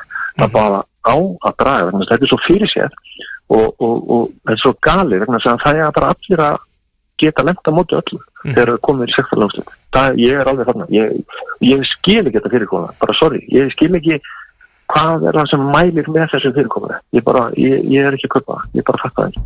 Það er gott að vera sammála um þetta Já, ég er alveg, ég er bara, mér finnst, gott að skuli lefna þetta, þannig að mér alveg vanta þessa umræða. Ég ég, ég, ég, skil ekki lókíkin á bakvið þetta, það er engin lókík á bakvið. Nei, þú veist, auðvitað á að vera þannig að liðsi vinnur lendi þá á móti liðin í öðru seti en að það verði þá hægt að mæta öllum hinum sjö riðlunum sko. Já, nákvæmlega, það, veist, það er þá að draga þetta þannig að, að, hérna, efstu aftaliðin, mm, þau eru, eru dregin að lóta móti liðin í öðru seti. Akkurat Það er bara að gera þannig. Já, Já Það svona þau séu ekki, ekki, að spila saman til dæmis, það menna, það er ein, ein, ein, en eins og þetta er núna í dag, þetta er bara, þú veist, þú getur sko, þú, það getur hver og eitt sem er bara gaman að að lega köpnum, sko, hann getur ræða þessu upp og búið til, sko, hverju er líklegast til þess að spila úrstæðleikin, sko, Mhm. og hverju vilja, forða, sko, að spila mútið þessum og hinnum, sko, þannig að eh, þetta er ekki gott fyrir fólkbúta, ég veist það ekki. Nei, akkurat Heldur að hansi flikk stíði til liðar? Nei, ég, ég von ekki þess að hérna, hann er búin að sína það hversu megnugur hann er sem þjálfari allan mín sko en hann hérna frábær sem aðstofamæður hérna aðstofamæður hérna uh, Jóhann Löf og, og, og var aðstofamæður þegar eru helsnestar um, geggjaði þjálfari eh, tekur við sem aðstofamæður hjá hérna bæja munnin og, og það sem að klubburum var þá í krísu það sem er ákur hérna þjálfara. Uh, hérna og, hérna og hérna þannig að hann sneri og og kom með gleði inn, inn, í, inn í klubin sem vantaði. Uh, hérna Kovacs var uh, hérna og var svolítið svona þungt yfir að árangur væri kannski hérna og árangur líka að samanskapið ekki sérstakur þannig með að til bæjumunnin það er bara Mhm. krafa á sigur hverju meinasta leik annars er bara krísa. Og hann svona næra að snúa þessu algjörlega við og og, og, og, vinna, vinna allt sem hægt er að vinna. Þannig að það er ekki hægt að fara fram á meira. Þannig að ég held að sé ég held að, ég held að flesti þjóður að séu uh, allan sem eru fótbolta fengjandi eru á því að hann er maðurinn í starfi og hann á halda áfram og, og hann fær bara næsta mót sem er Europakefnin og, og, hérna og uh, þannig að mér finnst mér finnst ósangjart gagvað tónum að láta hann stíga til liðar og ég held að ég hlusta nú viðtal við Ólfur Bírhoff í gær hann sem að hann var bara mjög ánægð með hann og, og allt sem hann var að gera og var búin að gera og, og, og hérna e, það er náttúrulega alltaf kallt að vera hérna fjálfari Ískalans og, hérna og, og tapa og vinni ekki og þá færðu kritik og gaggrinni en mér finnst það búin að vera flottur uh, á þessu móti uh, þráttir að menn séu með skipta skoðanir um uppstýtingun á liðinu og jafnvel vali á liðinu þá finnst mér hann bara að vera flottur í öllum svörum, hann er engin hrókjörn en hann, hann er búin að vera, vera grimmilega spurður en hann er oft svara spurningunum eða svara hérna spurningunum með, með spurningum tilbaka. Mhm. þannig að hérna og með málefnalegu spurningum þess að sko að því að þetta má ekki snúast um person, þetta var að snúast um leikin og, og það sem að það sem að var gott, það sem ekki, ekki var gott. Og hann fór yfir það, vant að gera það mjög vel og hann var ekki það sko fela sín ábyrg og talaði og hann spurði hvort hann ætlaði að stíga til hliðar. Og hann sagðist alltaf bara sjá hvernig hlutnum þetta tróðast næst í dag og hugsa sem gangi en ég meina, ef að krafan er svo hann stígur til hliðar þá er þetta fyrsti maður sem var bara gerir það og, og, og fer. En þetta er, þetta er algjör topp maður og ég er bara svo heppin að farið á fyrirlistu með hann og hérna og, og, og hérna hlusta á hann tala og hvernig hann talar og hvernig hann hugsa hlutina og hvernig hann sé hlutina. Það er bara, það er bara þú veist, það er aðvanaverst þannig ég hef, ég, það er mín persónulega skoðun hún, hún telur ekki neitt í þessum og- en ég er á því að hann er að halda áfram. það er, ég held að það væri það væri ósmann að það breyta og ég er ekki viss að hann er skilun einu Já, segir eh, Guðmundur Reyðarsson er á því að Hansi Flick eigi að halda áfram með þýska landslið en þjóðurarnir allavega farnir heim af HM Glemdum áðan þegar vorum að fara yfir eh, úrvalslið HM hinga til úrvalslið reyðlakjarnar að velja besta þjálfaran það er að sjálfsögðu Lúis Enrique hjá, hjá Spáni sem að tekna þetta algjörlega fullkomlega upp. Já, close second er mögulega maðurinn sem að vann Spán og Þýskaland í uh, þjálfari Japan. Já, en þetta tapum átti Costa Rica það gera verkum að, að Lúis Enrique fær, hana, fær, fær að vinna þetta. Teknaði upp alveg frábæra leið fyrir það Við ætlum að vera að skoða 16 lið á úslitin hérna eftir auglýsingar. Kristján Atli ætlar að vera á línunni og hann ætlar að spá hvaða lið fara áfram úr 16 lið á úslitum HM í Katar. America. Já, ég skal segja ykkur það Áframhendur út af sáturinn fókbalti.net á X977 og á línunni er Kristján Alli, okkar sérfæðingur sem ætlar nú að fara að spá í 16 liða úslitin á HM sem að hefjast einmitt í dag. Sæll og blessaði Kristján. Sælið. Herruði, við hefjum bara leik. Það er okkur að geta setjun á bóðið Tveir leikir í dag. Holland-Bandaríkin er klukkan þrjú. Hvernig fer það? Uh, sko, mér finnst þetta að vera, þessi tveileikir í dag eru kannski, hérna, annar þeirra er sá sem að ég myndi helst tippa á uppsett í 16 úrslutum og hinn sá sem að ég tel vera minnsta líkur á uppsetti. Ég, ég ætla að spá bandaríkinum sigri á Hollandi. Já, ég sé bara hvað þið að ljómar yfir Tom Þú segir, segir þetta Sko, ég er búin að tala, svona fyrir þetta mót, þá var ég aðeins að tala við fólk og segja, sko, bandaríkin eru bara á svo áhugaverðum stað sem knattspunni þjóð í dag, sem sokkar þjóð. Nú konum við góða deild, fullt af frambærilegum leikmönnum, það er áhugi, ég fylgist mikið með bandarískum ídróttum og maður er meira síðustu 2-3-4 ári en var við, finnst mér, umfjöllunum sokkar í bandaríkinum. Hlusta þess að þetta ná Hey, Mr. President, heads up.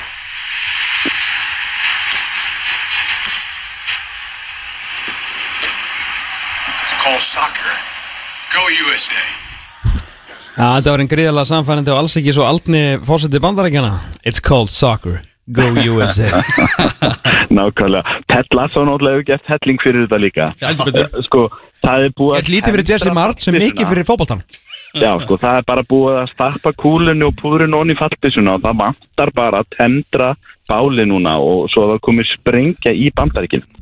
Og, og tveir sigrar. Í, í rauninni maður byrður ekkert um mikið sko, það er að vinna Holland í dag og hollendingarnir eru sko að díla við það flensa í herbúðunum og tveir leikmenn sem eru talið ólíklegt að geta spilað og þá sérstaklega kannski Frankie de Jong sem er högg fyrir þá að þeir spila ná, nánast allt sem þeir gera í kringum hann og ef, ef að bandarækjumenni geta farið gegnum þetta og fengi kannski Argentínu í næsta leik uh, það er ekkit óhugsandi þó svo það sé náttúrulega langsótt kannski að því að Argentínu eru náttúrulega með svo mikið svona bonafætt í, í hérna í, í HM sögunni. Uh, en þú veist, þeir eru bara einum, tveimur svona leik frá, leikum frá því að það verður springa í bandaríkjunum. Og þetta hittir fyrir bandaríkjun við töðum og töðum í Európi við að þetta mót sé svona um vetur á miður tíðanbili þetta er rosalega góðu tími fyrir bandaríkjun nú er allir inni, allir að horfa á íþróttir. Mm -hmm. þakkagjörun er nýt búin það er ekkert risastórt í gangi akkurat núna í bandarískum íþróttum.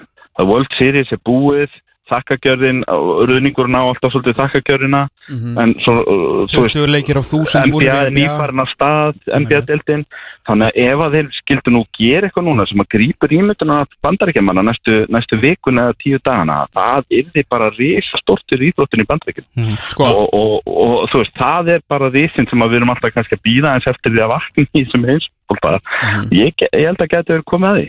Sko þeir þurfa í raun og veru, ég held að þeir ge- geti nú ekki Argentínu, ég held að það er alveg sén sko, en ég er alveg sammálaður, ekki bara því að hérna, ég er náttúrulega mikið dálæti af, af bandaríkjumannum og tel mér nú svona að vera nánast bandaríkjumann að hérna, sko Holland er náttúrulega er bara að spila fótbolta sem að hendar bandaríkjunum mjög vel sko, bandaríkjun er ekki ekkert með eitthvað leiftrandi sóknarleik, en þeir eru ótrúlega orkumiklir, ótrúlega duglegir, þeir eru að spila góða vörð, þeir eru að með fína veist, og það er Já. erfitt að skora á þá. Og hollendingar hafa svona takmarkan áhuga á að skora fyrir utan Cody Gagbo sem hann ætla bara að bera þetta lið á herðum sér sko þannig að þetta er alveg svona hefur allan keim af penalty shootout. Þetta, þetta er ekkert liftrandi bolti hjá Fangal sko. Ma, ma, menn er ekkert andvaka yfir þessu, þessu sóknar teimi sem er að fara að koma á þig Nei. þegar Holland mætir á sæði, það verður bara að segja það, það verður annað på tenningum ef að menn fara fram í Hollandi og mæta Argentínu áttalúslutum Einmitt, þá, þá er þeir óhætt að missa svefnaðin sko. Að meira stuð á Gaal svona utanvallar heldur en innan já, já, og ég menn eins og þið sagðu það þegar við tala um skemmtikrátana það er bara alveg staðrind að það skemmtilegast að vita að hollenska liðið í þessu móti er búið að vera Louis van Gaal. Já, og, það, og það segir sitt líka um kannski leikmenn en ég meina þú veist, við erum að gefa okkur þetta en það er samt meir en að segja það þú átt samt eftir að komast fram hjá Van Dijk og félögum í vörðin Algjörlega. Þú átt samt eftir að ná aðeins boltarum á miðjunni og alls konar svona sko en það eru samt hörku leikmenn í þessu bandarska liði mér finnst, ég er búin að sjá alla þrjá leikinu þeirra, mér finnst einhvern veginn eins og bandaríkin negi meira inn. Það er eitthvað þarna sem að býr í þeim sem ég er ekki búin að sjá ennþá. Ég þeir eru alltaf ennþá Æmi bara mér ekkert óvart já, annarkvort í dag eða þá eins og þið segja þetta sé svona 0-0 vító written all over it að þá kannski game þeirra fyrir Argentínu í átturlókstum látum, látum ekki koma okkur óvart sko, ekki, ekki sísta því að ég ég horfi á hinleikin í dag og ég sé enga leið fyrir Ástralíu að taka ég sé það bara ekki sko. það er eini leikurinn í 16. ég get talið mig inn á að minni eh, hérna underdogin uh, undirhundurinn vinni hvern einasta leik í þessum 16. úrslutum nema í þessum leiki ástæðli því miður, ég held að þetta sé leiðalók hjá þeim Já, þetta er 3-0 Argentina, eitthvað þannig Já, ég, Þetta þeir, ég held að þeir hafa líka verið verið sem í hissa sjálfur sko Ástralarnir svona séu semi bara sáttir sko, það getur ekki hann að verið ah. Já, ég meina, og svo, þú veist, jú, jú, menn, menn fara inn með no fear og enga tapa og allt það og þá er kannski hægt að blása til sóknar og koma mönnum eitthvað óvart. mm -hmm. Er alltaf hægt að fá eitt fast leikatri eða eitthvað, sko. Það er En annar eru sem ég held að sé 90 mínútur líka svona alveg gefin en kannski komum að honum eftir réttur augnablik. Já, fyrir mig í leikina þess sem er á morgun. Japan Kroatia Mjög áhugaveru leikur. Uh, Króatarnir eru segir, þeir höfðu eitthvað stöðuleika og, og svona yfirvegun sem að til dæmis belgarnir höfðu ekki. Uh, það er samt svona líki leikmennir hjá Króatíður og konur aldur og maður spyr sig hvað er fara langt í þessu leikjálægi og annað slikt sko, þú veist, hvenar, hvenar reykast er allt í hann á vegg? Það sem að uh, hérna Rakitic og, og, og Modric og, og hvað er heita allir Perisic og hann er ekki lengur þess að þeir eru, skilju og hérna uh, ég, ég, er, ég er bara ekki viss hvort að það gerist núna, það kemur ekkert orð. Ég meina Japan er búið að vinna Tískaland og Spán, þeir eru búin að vinna sér það inn að við byrjum viðingu fyrir þeim og, og gefum þeim bara þennan leik og segjum bara, heyrðu, þetta verður höfku leikur og, og það er líka þannig sko með króatana, það, er- þeir eru kannski betra fótboltalið en það voru Spátn og, og Japan líka, það sem Japan nei, Spátn og, og Tískaland, það sem Japanin gera í er að þeir koma tilbaka þegar að Europasþjóðuna fara að breytast og það er spurning hvort að þeir séu hreinlega bara það lið í, í, í hérna keppninu sem er í besta forminu sko Þa, það má alveg færa það til sanns vegur það, hérna, þannig að það, jafnvel þó svo krótandi komist yfir í þeim leik þá var hann ekki búinn eh, neitt fyrir en bara eftir hvað vera 116 mínútur eða hvað það er alltaf með viðbættin tíma í þessu móti. Þetta var að senda Japan áfram? Nei, krótandi fá það en, en, en það verður mjög erfitt. Já, þessi leikur endur á mánudaginn. Við erum að fara yfir hérna leið 1 í Leið eitt, já. Leið 1 í úslitaleikin uh, Hinleikurinn á mánudagskvöldið Það er Brasilia Suður Kórea Er það, já, Kóreumenn Það er ímislegt í þá spunnið En, en Brasilia ætti að vinna þetta Ég, já, það er náttúrulega krafan í heimalandin er að Brasiljum vinni þetta sko. það, þeir, þeir, þeir fá ekkert að fljúa heim til Ríu ef þeir klára þetta ekki sko. en enn og aftur þá verður maður bara við að það sem Suðkórum er náða gert í þessu móti og þeir eru með bara einna betri leikmennu mótsins. Leiðtóa sem stígur upp fyrir sitt lið. Það kemur í vörðinni Kimi vörninni. Kimi markinu. Nei, sko, þeir eru bara gríðarlega þjættir uh, það er kannski lið sem að ég sko 20 minnum fyrir leikslúk í gær hélt, var eiginlega bara hættur að pæli því ég held þeir væri ekki að fara áfram.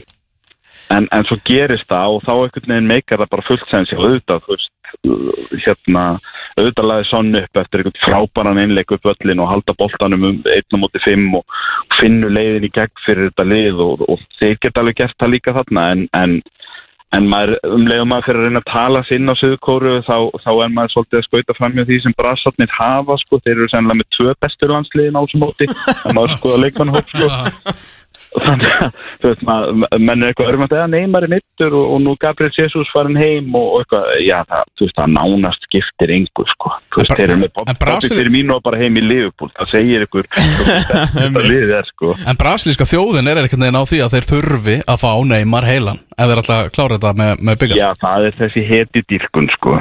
Kanski hafa Brasilið bara gott að því að fara langt með neymar á hliðalínni. Það kenna þeim það sko, þið eru með fáránlega sterkli, þið þurfið ekki alltaf að útnefna einhvern Jésús og, og leggja alltaf herðarnar honum. Þetta er náttúrulega ekkert eðlilegt álag sem að neymar er búin að bera og sem að Ronaldinho og svo Kaka og, og, og Ronaldo Nazario og fleiri báru á undan þeim. Það er alltaf þetta, hérna, það er aðal mann, það þarf alltaf að vera pele í liðinu. Veist, það, það er ekki bara út af Pele sem menn tala um Brasilíu 1970 sem eitt besta landslið sögunar. Það sé þá bara fáranlega góði leikmenn í hverju, hverju stöðu í því liði og að þú tækir Pele út að, að þá væru samt með legends nánast bara í hver, hverju stöðu í því brasilíska liðu. Þú veist, Brassarnir eru bara þar í dag. Veist, þeir eru með sennilega tvo bestu markmennina og, og svo bara höldum við áfram að telja sko. Það er bara ekki veiku blettur á þessu liðinu. Það sem ég hef, áhyggjurna sem ég hef á mínum önum í Braslíu, já ég held með reynda, þremur liðum á þessu móti en ég er búin að halda með, með Braslíu síðan 94 og alveg grjó, ljóð, hérna ljónharður Braslíu er að uh, þeir tap alltaf glórunni í svona utanvallar, þú veist 2014 uh, þetta er að Neymar hérna dó og þeir mætti í bólunum og voru yngan veginn uh, stiltir inn í þetta sjöi tap gegn Þýskalandi og nú er það bara þannig að uh, besti knarspilnumæður sögunar að mati Brasilíumanna uh, Pelé uh, mun öllu líkitum falla frá núna bara þess vegna í dag það var, var verið að greina fyrir því að það búið að færa blessaðan mannin inn á einn þannig að hann á ekki Já. mikið eftir þú getur Nei. rétt ímyndaðir sturlunar ástandi sem verður í Brasilíu þegar þessi mikla góðsögn mun falla frá og hvernig þetta fyrir inn í hópin og þeir eru eftir að mæti í pelebólum og veist ég veist, þetta geti alveg bara eðlert fyrir þeim þeir, bara, þeir verða svo umvapnir í öllu svona bara Já. með, með Jésús og, og öllum félögum sko. Það er, það er bara þannig, það er alveg vita til dæmis, þeir hafa oft sagt að þeir hefðu ekki unni HM 94 ef Erton Senna hefði ekki verið nýfallin frá. mm. Það var bara, það mót var allt sveipað Erton Senna, það var hann var á fánunum og annað og þeir voru að minnast hans og hann spila ekki eins og fótbolta sko. Mm. Ég heldur þetta geta Það kannski bara- frekar hjálpa ert- heldur en að hindra það Já, já, þannig að ég, ég er bara, ég er búin að keira í klukkutíma, ég bara þeinlega vissi ekki þetta nýjustu vendingar. Þetta er bara, það er 20 minnur síðan að þess að frétti komu. Já, já, já, og hérna því- líka æfi, því líka sigur fyrir hann en ef það koma honum á hókvildina verði það þá svo. Mhm. ef að það gerist á þessum tímapunkti þá ætlum ég að breyta svarinu mínu í auðmíkja Suður Kóru á mánudag. Já, ok. Ef að það er það sem er að fara að gerast í dag þá held ég það já. Það, ég held brassarnir eru bara þannig þjóð allavega var það þannig með Erton Senna. Ef, ef að það er það sem að koma að skala þá hérna þá býstu við að það sé eitthvað sem þjappi munum saman. Það er búið að til dæmis tala um það að, að, að hérna fórsetakostningarnar í síðasta mánuði í Brasilíu hafi, hafi valdið einhverju sundrúk í klefanum að því að sömur að leikmennunum eins og Neymar og fleiri voru að styðja Bolsonaro sem að, er náttúrulega umdeldur Jú, jú. Og, og annars líkt, þetta er þá bara eitthvað sem þjappar öllum í sama átt. Ef að það var eitthvað svoleiðis í gangin í klefunum einhverjar klíkur að þá eru þær ekki til eftir daginn í dag. Það er bara, við erum bara börnunast til og við ætlum að deyja fyrir málstæðin För, Förum yfir í, í leið 2 Förum yfir í leikina sem verða á morgun. Það er Frakland-Póland sem er þrjúleikurinn á, á morgun og uh, Pólverjar náttúrulega komast í gegnum sinn reyðil bara á varnarleik og, og markvöslu Já, Hambóðalaslið Já, sko þeir voru í góðri stöð eftir tværumferðir mér fannst uppleggi hjá þeim í Argentínuleiknum nánast skammalagt sko. það blá við að mann langaði bara að slá á handabökkinu á þeim þegar þeir komin í klefa eftir þann leik. Af því að það býr meira í þessu leik ég horfa á þetta pólskulu og mér finnst góði leikmenn í þeir er, eiga að vera, þeir eiga að horfa á svo sjá sér til dæmis fyrir mér á sama leveli og, og hérna og til dæmis Kroatia, þeir eiga bara að vera með kassan út og ekkert að vera með fyrir að minnimátt að gæða hvert Argentínu í leik. En þeir voru það klárlega og lögðu bara upp með að parkera rútunni og reyna að hýrða jafntefli og vinna riðlinn og það gerðist ekki. Og þeir fá frakkana í verðlun, verði ykkur af því. Hafa ekki sótt til sig og svo móti Argentínu. Kannski láta þeir sér þetta kenningu verða og mæta með kassan út og gera þetta einhverju leik. Því ég get alveg sagt ykkur það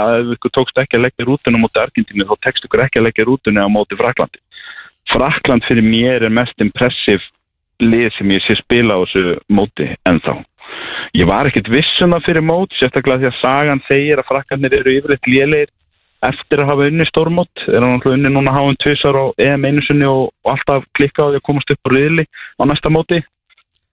Og, en, en þeir hafa bara komið mér á óvart með það. Þeir, þeir eru bara svona lið sem að virðist geta gert þetta bara algjörlega eftir þörfum. Það er bara þeir spila eins vel og þeir þurfa og þegar þeir eins og þeir nefnt hundur á móti áströlunum þá voru búin að slaufa þeim eftir korter sko.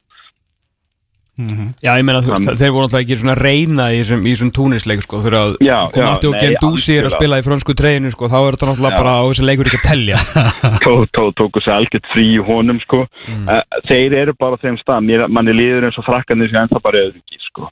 og hvort þeir finna fjórð og fymta gírin þeir eru þurfan að þá það kemur í ljós, ég er ekkert vissum að þurfan í þessum leik eins og pólverarnir spiluðu þennan reilsinn og kannski sérstaklega argentínuleikin en eins og segi, kannski, kannski gera pólverarnir leik úr þessu, þetta getur alveg orðið leik og ert alltaf með Sielinski sem er frábær og, og með Lewandowski og með fleiri góðu leikmennarna.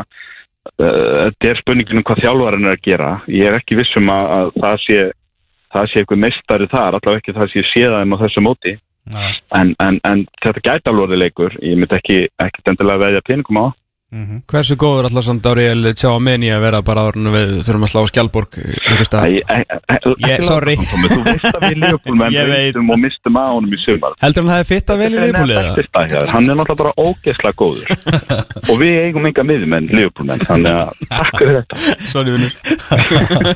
Þú hendur frökkunum hann áfram uh, England, Senegal Náttúrulega Englandingar búin að vera að fagna undanfarna daga við því að þjóðverða séu farnir heim sér Og fyrst Wales. Já, fyrst Wales, hann að sér er Gary Lineker og fleiri hann alveg hoppandi kátir Þetta var samt góðu brandari. Þú veist, fótboltið er bara 22 leikmenn alltaf bolta og Þýskaland vinnur en fer svo heim. Já, ja, Þýskaland vinnur ef þeir komast upp úr Ef riðli þú komast upp úr sko þessi riðill var náttúrulega nánast fullkomin fyrir tjallana þeir, þeir fengu að vinna Wales, þeir fengu að vinna Íran ef þeir hefur klárað Bandaríkin þá held ég að þeir hefur bara getað pakkað saman og satt okkar verki hér í lók við erum búin að minna okkur, við erum stóri bróður en, en við vitum það alveg England er ekki að fara að vinna þetta mót. Þetta er bara spurningin hvar þeir rekast á vekkinu það ég horfi helst á hjá Englandi er þeir eru með rosalega flotta leikminni þeir eru allir á miðsvæðinu framar þetta er eitt skemmtilegasta sóknalið í keppninu til þessa og, og sem, að, sem er eiginlega hálf ótrúlegt þegar maður minnir sig á að Gary Southgate er þjálfarnarn og hann er frekar varnasinnaður en það voru þessi meðsli á Kyle Walker sem að hel- heldist úr lestinni og það neyðir þá til þess að breyta eða neyðir hann til að breyta leikskipulegina því að hann alltaf treystir ekki nokkur möru manni í þess að vörð sína heldur en þess að fimm sem hann er alltaf haldið sér við. Og hérna og, og það hefur gert þetta aðeins sóttjarvar í þeim en á móti kemur ég er ekki vissum ég treysti vörðin í þeim gegn betri liðum ég veit bara ekki alveg hvar Senegal standa þar af því að ef að Senegal væri með Sadio Mani þá væri þeir eitthvað betri liðunum í þessu móti og klálega sterkast Afriku þjóðuna mínum að enda ríkjandi Afrikamistarar en hafa þeir firepowerið til þess að láta ennsku vörnina að kenna á því því að þeir halda ekki þeina held ég mútið Englandi. Ekki nema Edward Mendy í leik lífsins. Uh, ég, ég get alveg séð fram á markaleik þarna ég held að englendingarnir klári þetta en þetta er ekki þarna er ég ekki viss sko. þetta er alveg leikur sem ég sé englendingarna fyrir með koksa og ef englendingarnir fara áfram úr þessu þá held ég að það sé rétt hjá mér að það er þá mæntalega bara Frakland næst Já, og þá er komið að leðalokum hjá, hjá þeim ennsku sko. En hvað hva gerir hann með hérna, hvað var að segja, tíuna uh, og uh, kantana? Þegar hann gerir hérna hristir upp í liðinu, setur Rashford fótinn inn, tekur hérna uh, nokkuð slakar með svona mántatn út og lætur Bellingham svona frekar indurlöpa þetta með 2-6 verðna móti Wales. Já, Rashford frábær, uh, fótinn frábær, skora saman öll þrjú mörkin. Uh, Svínvirka að vera með Ræs og Henderson hann að verja vörnina Bellingham náttúrulega frábær að taka þessi hlaup fram Hvaða breyting, veist, er uppáldið hans Stalling að koma inn á? Er eitt af uppáldum hans Bukayo Saka sem að náttúrulega líka búin að vera mjög góður? Kemur hann aftur inn, kemur Mount aftur inn? Hvað gerist? Ég held það, ég held að hann haldi sér bara við það sem hann var svona búin að leggja upp með sem sitt aðalið fyrir mót. Og hann er ekkert að breyta því að óþörfu. Það er náttúrulega jákvægt fyrir hann ef þessi mennir að banka og dyrnar á bekknum. Uh, ég, ég get ímyndað með að noti sérstaklega Rashford og Foden þá frekar sem supersub eftir þörfum en hann leggur upp með það að leikskipulægið er ofar öllu og, og, og með svo mátt, hann, hann lítur á hann að því að sko Bukaði Saka á að vera svona ásinn í erminni hjá þeim í, í sóknarspilinu. Og svo Jude Bellingham að miðinni að þá er með svo mátt svo mikilvægur fyrir hann í öllu því taktiska sem hann gerir. Það af fólki sem horfur á með svo mátt og, og, og horfur á tölfræðina en svo skilur ekki eins og því að segja hverju makkur hössvort eða hverju ekki að spila þarna frekar en, en fyrir, ef ég þekkjandi uh, Gary Southgate og það sem ég þekki til hans, þá, þá held ég að hann dæmi bara með svo mátt það mikilvægan fyrir leik aðferðina sem hann vil spila og hann gerir öðrum í liðinu klift að spila, hann er rosa góður í að dettin á miðjuna, hann er rosa góður að finna þá Shaw og búa til pláss fyrir Shaw fyrir aftan sig. Og hann- þeir náttúrulega sækja mjög mikið upp á Shaw vinstra meginn, frekar er meir svo mátt Þa, það fer allt kannski úr jafnvægi að þú fer að setja Phil Foden eða Marcus Rashford inn í þessa stöðu. Þannig að ég, ég er mjög hissa ef, að, ef hann fær eitthvað að hrópla við þessu, það er bara starterarnir eru starterarnir og hinnir eru bara supersöfl. Það er gott ef þeir eru heitir en, en byrjunlið er byrjunlið Áður en fyrir mig yfir í þriðjóðarsleikina voru berast réttur úr helbúðum Brasilíu, Gabriel Jesus og Alex Telles ekki meira með á mótinu, mittust í, í ger Já, Heyrðu, yfir í, já, 7. 7. desember, það er þriðju dagurinn, Marokko Spán, Spánverjar, fá leikinn sem að þeir, þeir vildu, Marokko leikinn. Já, þetta verður hörkuleikur uh, ég, ég er bara verið sefin að Marko búum í þessu móti uh, og ég held að sko Marko er þjóð sem að tekur því illa að það sé yfir höfu verið að slúður um það að spápna hafi eitthvað verið að velja þá síðasta korturinn í síni leik. Ekki, ekki, ekki skora því að þá fáum við Marko frekar heldur en hérna Portugal. Það hérna, þetta verður bara jafn leikur. Ég held að ég ég er svo sem kannski ekkert heimsins mesti spámar, það getur vel verið að spámverðarnir fari bara í 5-1 sigur og láti mig líta ill út en, en ég ætla að lega mér að, að, að, hérna, spá æsi spennandi leik þarna og, og leik sem að fer allavega óvænt í framlengingu ef ekki meira Þegar við ekki að setja köpsett þarna líka, ég er búinn að spá bandaríkinum í köpsett og ég ætla að spá Marokko sláðu spánverðan út Það er þeir rosalegt, maður. Já, en eins og segir, Marokko skal liði, stór skemmtilegt, búin að vera svona, já, það er liðið sem hefur komið manni hvað mest á óvart á, á jákvæðan hátt. Já, virkilega stíð upp í þessu móti. Eitt af þessum liðum sem er að koma inn og, og, og svona kannski spila nánast umfram getur í þessu móti. En svo náttúrulega veit maður ekki, erum enn að toppa á vittlisum tíma? Og átt helst aldrei að toppa í reyðlunum með allavega lengra. Uh, þú veist, við horfum kannski frekar á liðin sem okkur finnst þeirra stórlið og eiga meir inni eins og Frakland eða Portugal eða, eða Argentínu uh, frekar heldur en liðin sem kannski toppuð í reilunum kannski, kannski var þetta bara allt og sumt og nú er þetta búið spil hjá Marko en, en með það sem ég hef séð til þeirra hinga til þá kemur ekkert óvart að ekki var spánverðum hörkuleik Já, þetta verður stór skemmtilegu leikur. Að lokum Portugal, Sviss, Bruno og félagar í, í Portugal að mæta, mæta Svisslandingun. Já, þannig er náttúrulega tvær virkilega sterkar örbyþjóðir sem að eru með svona ákveðna kynslu og sem er búin að fleita þeim mjög langt síðast áratugin að mætast. En það sem mun ríða bakkamunin í þessum leik er náttúrulega eitt besti knaspun maður í heimi spila fyrir annar lið. Hann heitir Serdan Shakiri og, og ég ætla að spá Svisslendingunum sigri þarna. Hann er svolítið þykkur núna, Shakiri. Já, Bara þægilegur, líður vel. Já, er bara vel. í bandaríkinum hann, hann koni bandaríska ostin heldur betur og það maður. þegar að færa að vera smá þykkur þá er hann bestur, það er þannig. Já, það er bara eigur skotkraftingar einlega og, og, og, og, hérna, og eigur á nákvæmina í öllum þessum sendingum hjá hann og ég horfði á á, sviðslendingan í gær það, þeir eru aldrei peppaður í þetta hérna, það, þú þetta ekki til dæmis að peppa grann sjaka upp fyrir þennan leik, það er alveg á hreinu. Ég, ég beði eftir að þið myndir hlaða í hérna hlaða í hérna sér flokk áðan um hverju væri æstustu menn mótsins því að úrgvæðarnir hefðu sennilega verið í þriða sæti bara sem lið og, og serbarnir í öðru sæti sem lið og Grann Tjaka einn í fyrsta sætinu í þessu móti. Já, flottu flokkur, við bætum honum bara við. Hérna, nei, nei, það er sko, Portugal er eiginlega lið sem að alltaf þegar ég hugsa um það, þá finnst mér eins og þeir eigi að fara langt í þessu móti. En þú veist, ég gef bara respekt á Sviss. Mér finnst þetta bara að vera 50-50 leikur af því að Svisslendingarnir eru góðir. Og þeir eru bara solid þeir vita hvað er að gera, þeir vita hvað þeir eru. Þeir vita að það er engin Cristiano Ronaldo eða Leo Messi í liðinu ég, þó ég grínist nú með Shaqiri.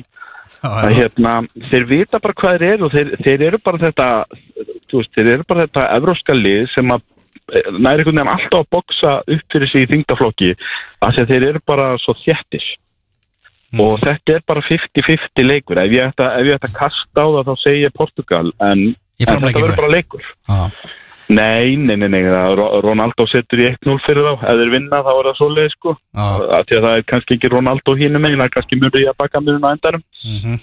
en, en, en þetta verður bara 50-50 leikur sko, þannig að kannski fáum við Portugal spán í áttalúslutunum, kannski fáum við Marok og Sviss, eins og ég er að horfa á þetta hérna, mér finnst þetta bara að vera svona af, af þessum, svona ef við, ef við skiptum þessu í fernur, fjórar fernur, 16 úrslutin, þá er þetta svona tvísínasta fernan finnst mér. Ég geti alveg séð hvaða af þessum fjórulegum mætast í áttalúslutin.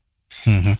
Já, þetta verður fróðlegt og vonandi verður bara áfram þessi svakalega skemmtun og skemmtana jafn hátt og er búið að vera núna í loka umferð riðlakefnars Já, ég var, ég var ekki yfir mér hrifun af fyrstu tveimur umfyririnu. Ég var svona meira nánast grömpi yfir því að þetta væri frekar leðilegt mót. En þessi þriðja umferð er bara búin að vera galinn, sko. Að galin. Megið það halda ára lengst. heldur betur Erum Kristján Rætti, bara takk kjallaða fyrir þetta og við fáum, jafnvel, fáum þið aftur til, a, til að spá þegar að lengra líður á mótið fer eftir hvernig það fyrir gengur núna Já, Go USA. Go USA. Bye bye. Heldur betur 16 úrslitin hjá á HM að fara á stað hjá mörgum þá byrjar HM fyrir alvur þegar útsláttarkjapninu er byrjuð þegar þetta er bara einfallega annar liði fyrir heim. Það er alveg klárt mál. Winner go home. Það er bara svolítið það er ekki sigurverðin sem fyrir heim samt. Það er hinnir Þeir hérna, ég horfði á byrjunna hérna, á Fox útsendingunni fyrir ég sá hann bara YouTube fyrir England, Ír, Íran. Uh, Iran, nei, Í- nei Íran fyrir ekki ekki að gera þetta Ekki móðga- móðga Íran. Íran. Uh, Þetta er náttúrulega ótrúlegt þess að sé Fox umfylgjónu hérna, hún er, er byggðu bara þorp. Þeir byggðu bara, þú veist, artificial intelligence þorp, þarna, það sem er alltaf stuðnismenn fyrir utan eitthvað og svo er þetta bara eitthvað alltaf einhver leikari sem kemur og er eitthvað bara eitthvað Today is our day. No, no, no, og svo bara og svo endað svo loksins komin í sett bara eitthvað welcome with us here on Fox Soccer eh, hérna Today it's the loser leaves town. Það var sögulínan fyrir hérna England, Íran. Loser, it's a loser leaves town game. Bara, ok. Já, það má peppið upp. Það má peppið upp. Já, Þið skrifið bara England, nei, USA, Íran, Fox Soccer á YouTube. Horfið bara, gera það fyrir mig. Horfið bara fyrstu fjóra mínútur og 20 sekundar Og aðtöði bara þegar þeir, þú veist, þeim er lokið Hvort þið sé ekki staðinu upp og bara farin úr buksunum Það er rosalegt. Þetta er rosalegt. Þegar það steytist í að eh, þátturinn klárist ef við ekki að ljúka þetta ljúka þessu á íslenskum fréttum vikunar Var ekki að frétta? Já, reyndar gær. Já. Stórfrétt Já, hvað er fyrir það? Elfar Já, Elfar maður. Hann er staðfæstur í, í val. Mhm. Komin í, í, í valstreyjuna komin aftur í faðum Arnars Gretarssonar Mhm. sem að þjálfaði náttúrulega hjá Breiðabliki og sótt hann til AEK Á- þekkir hann vel á sínum tíma þannig að þetta þetta verður svakaleg vörn hjá svakaleg varnarlína hjá valsmönnum með Fredrik Skram síðan fyrir aftansing sko.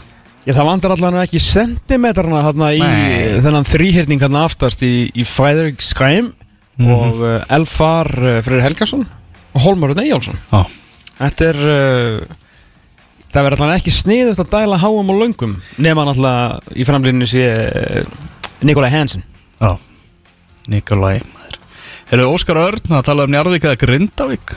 Þar verðist vera að Óskar Örn sé að fara í, í lengjudeildina. Grindavík að hérna, Jón Július, uh, eigandi Grindavíkur var að setja nýju treyjuna.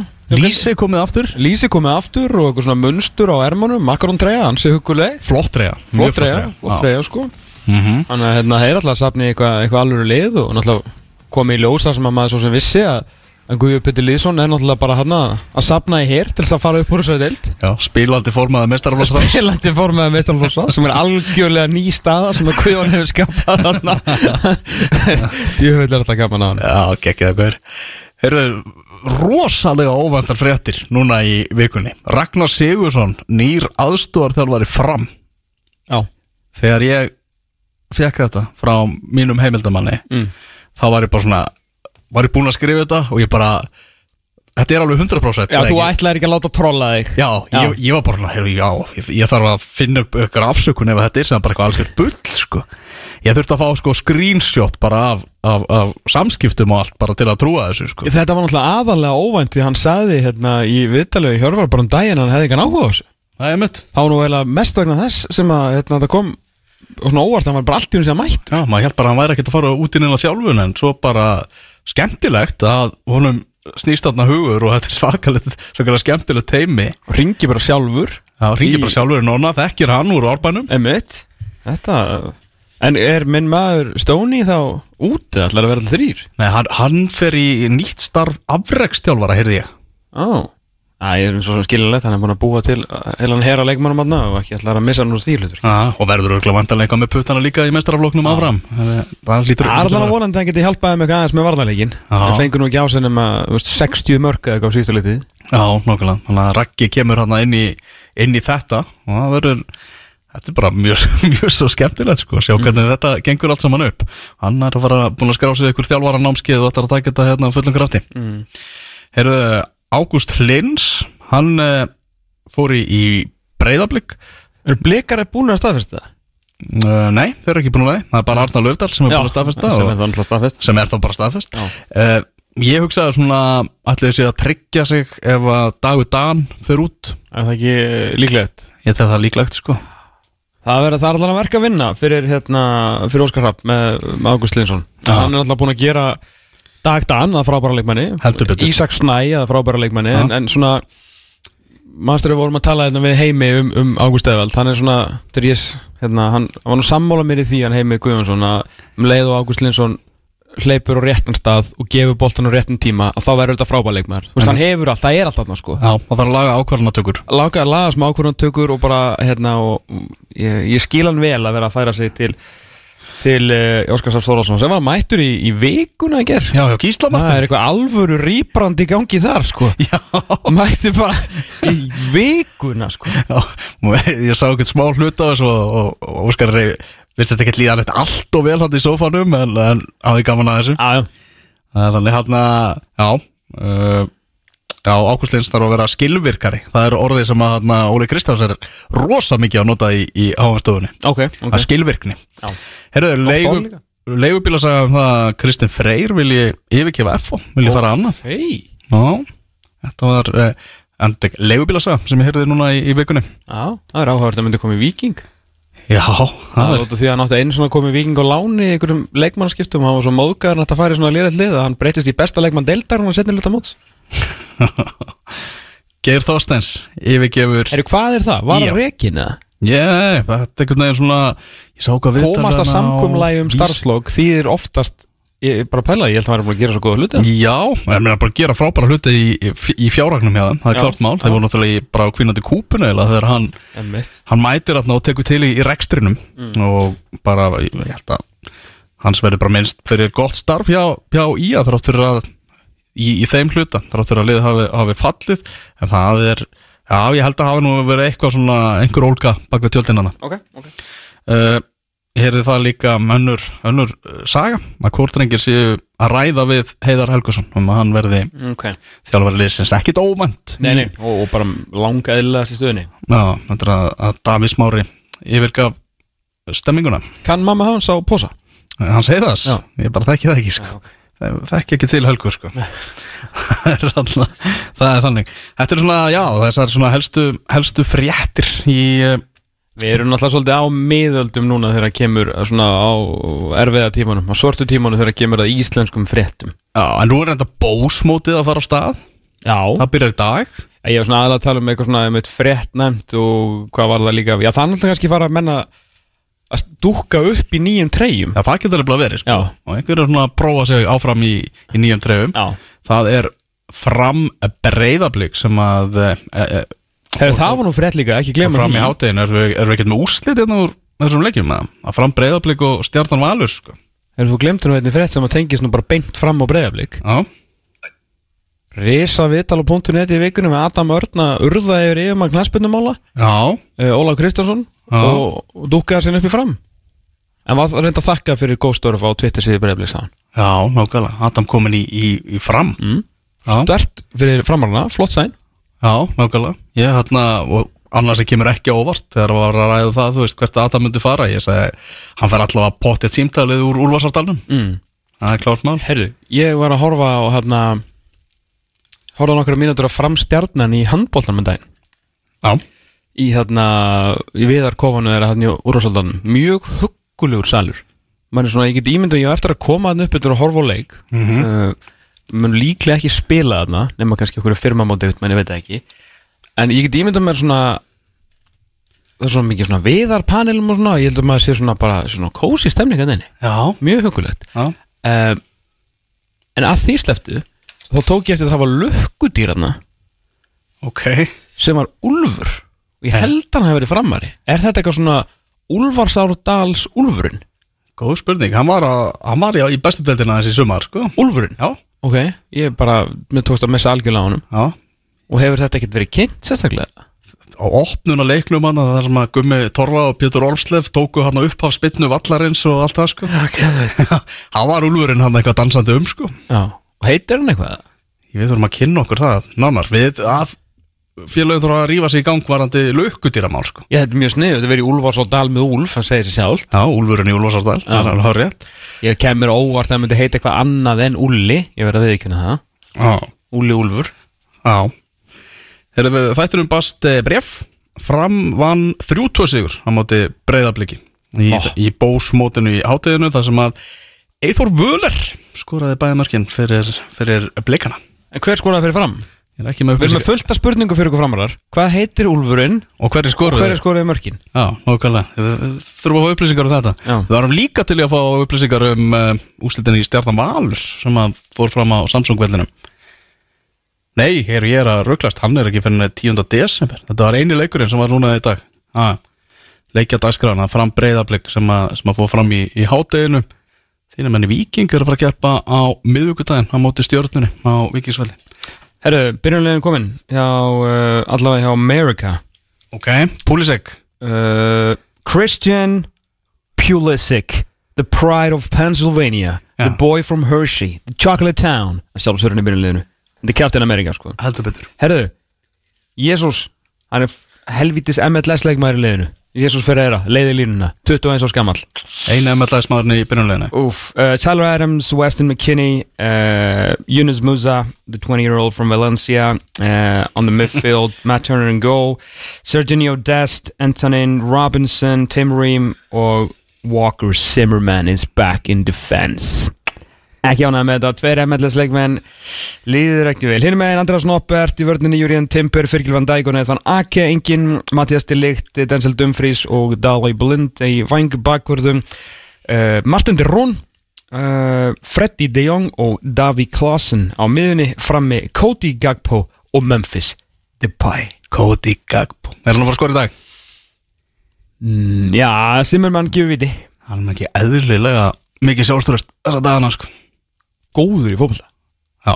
Eitt af upp, næst uppáhaldsmarkið og ég er ekki að tala um flottumarkin Mm. næst uppáhaldsmarkið með þessum móti á eftir klosslunni frá uh, Abu Bakar. Já. Það er hérna vinstri fóta hamarinn, þrjusutundran stöngin frá Koti Gagbo á nærstöngina, það var geggjamark það var geggjamark Herru, já, ég, hvað er hann að spá? Hann er að fara í Premier League. Já, hann er að fyrir Premier League. Já. Þú mun taka hann um opnum Koti Gagbo? Já. Ég er, að- ég er að missa Cristiano Ronaldo úr dildinni, sko, það er búin að vera meira til vesens en það er samt alltaf fínt að hafa hann, það er smá profíl, sko. Æmett En Cody Gagbo hafi stjarnar framtíðarinnar. Herru, Já. nei fyrir ekki Ég er að Jú, Tim Vea hann er Býtum að vera ég eitthvað að bylla Timothy Weah Timothy Vea og Christian Pulisic eru með eh, Jesus í framlíninu, já. En þessi miðja, Weston McKinney, Tyler Adams og, og hérna Og Yunus Musa Þú ert ekki að hlaupa yfir þetta. Og þeir eru 20, 23 og 24 ára. Pældi í præm aldrei sem þetta bandaríska landslið verður á þegar við fáum World Cup in America. Já, nákvæmlega. Ásand, mm. Kanada og Mexiko Já, þau fá verða með. Þeir fá svona rest og rustleiki einhverja. Mm. það, það er þannig. Erum ekki að fara að segja þetta bara gott þennan lögadaginn Við þurfum að fara að setja okkur í starttólunar fyrir 16. úslitin á HM Já, það er bara klukkutími og 5 mínútur í eh, Bandaríkin eh, Holland sem er fyrsti leikurinn í 16 liða úrslitunum.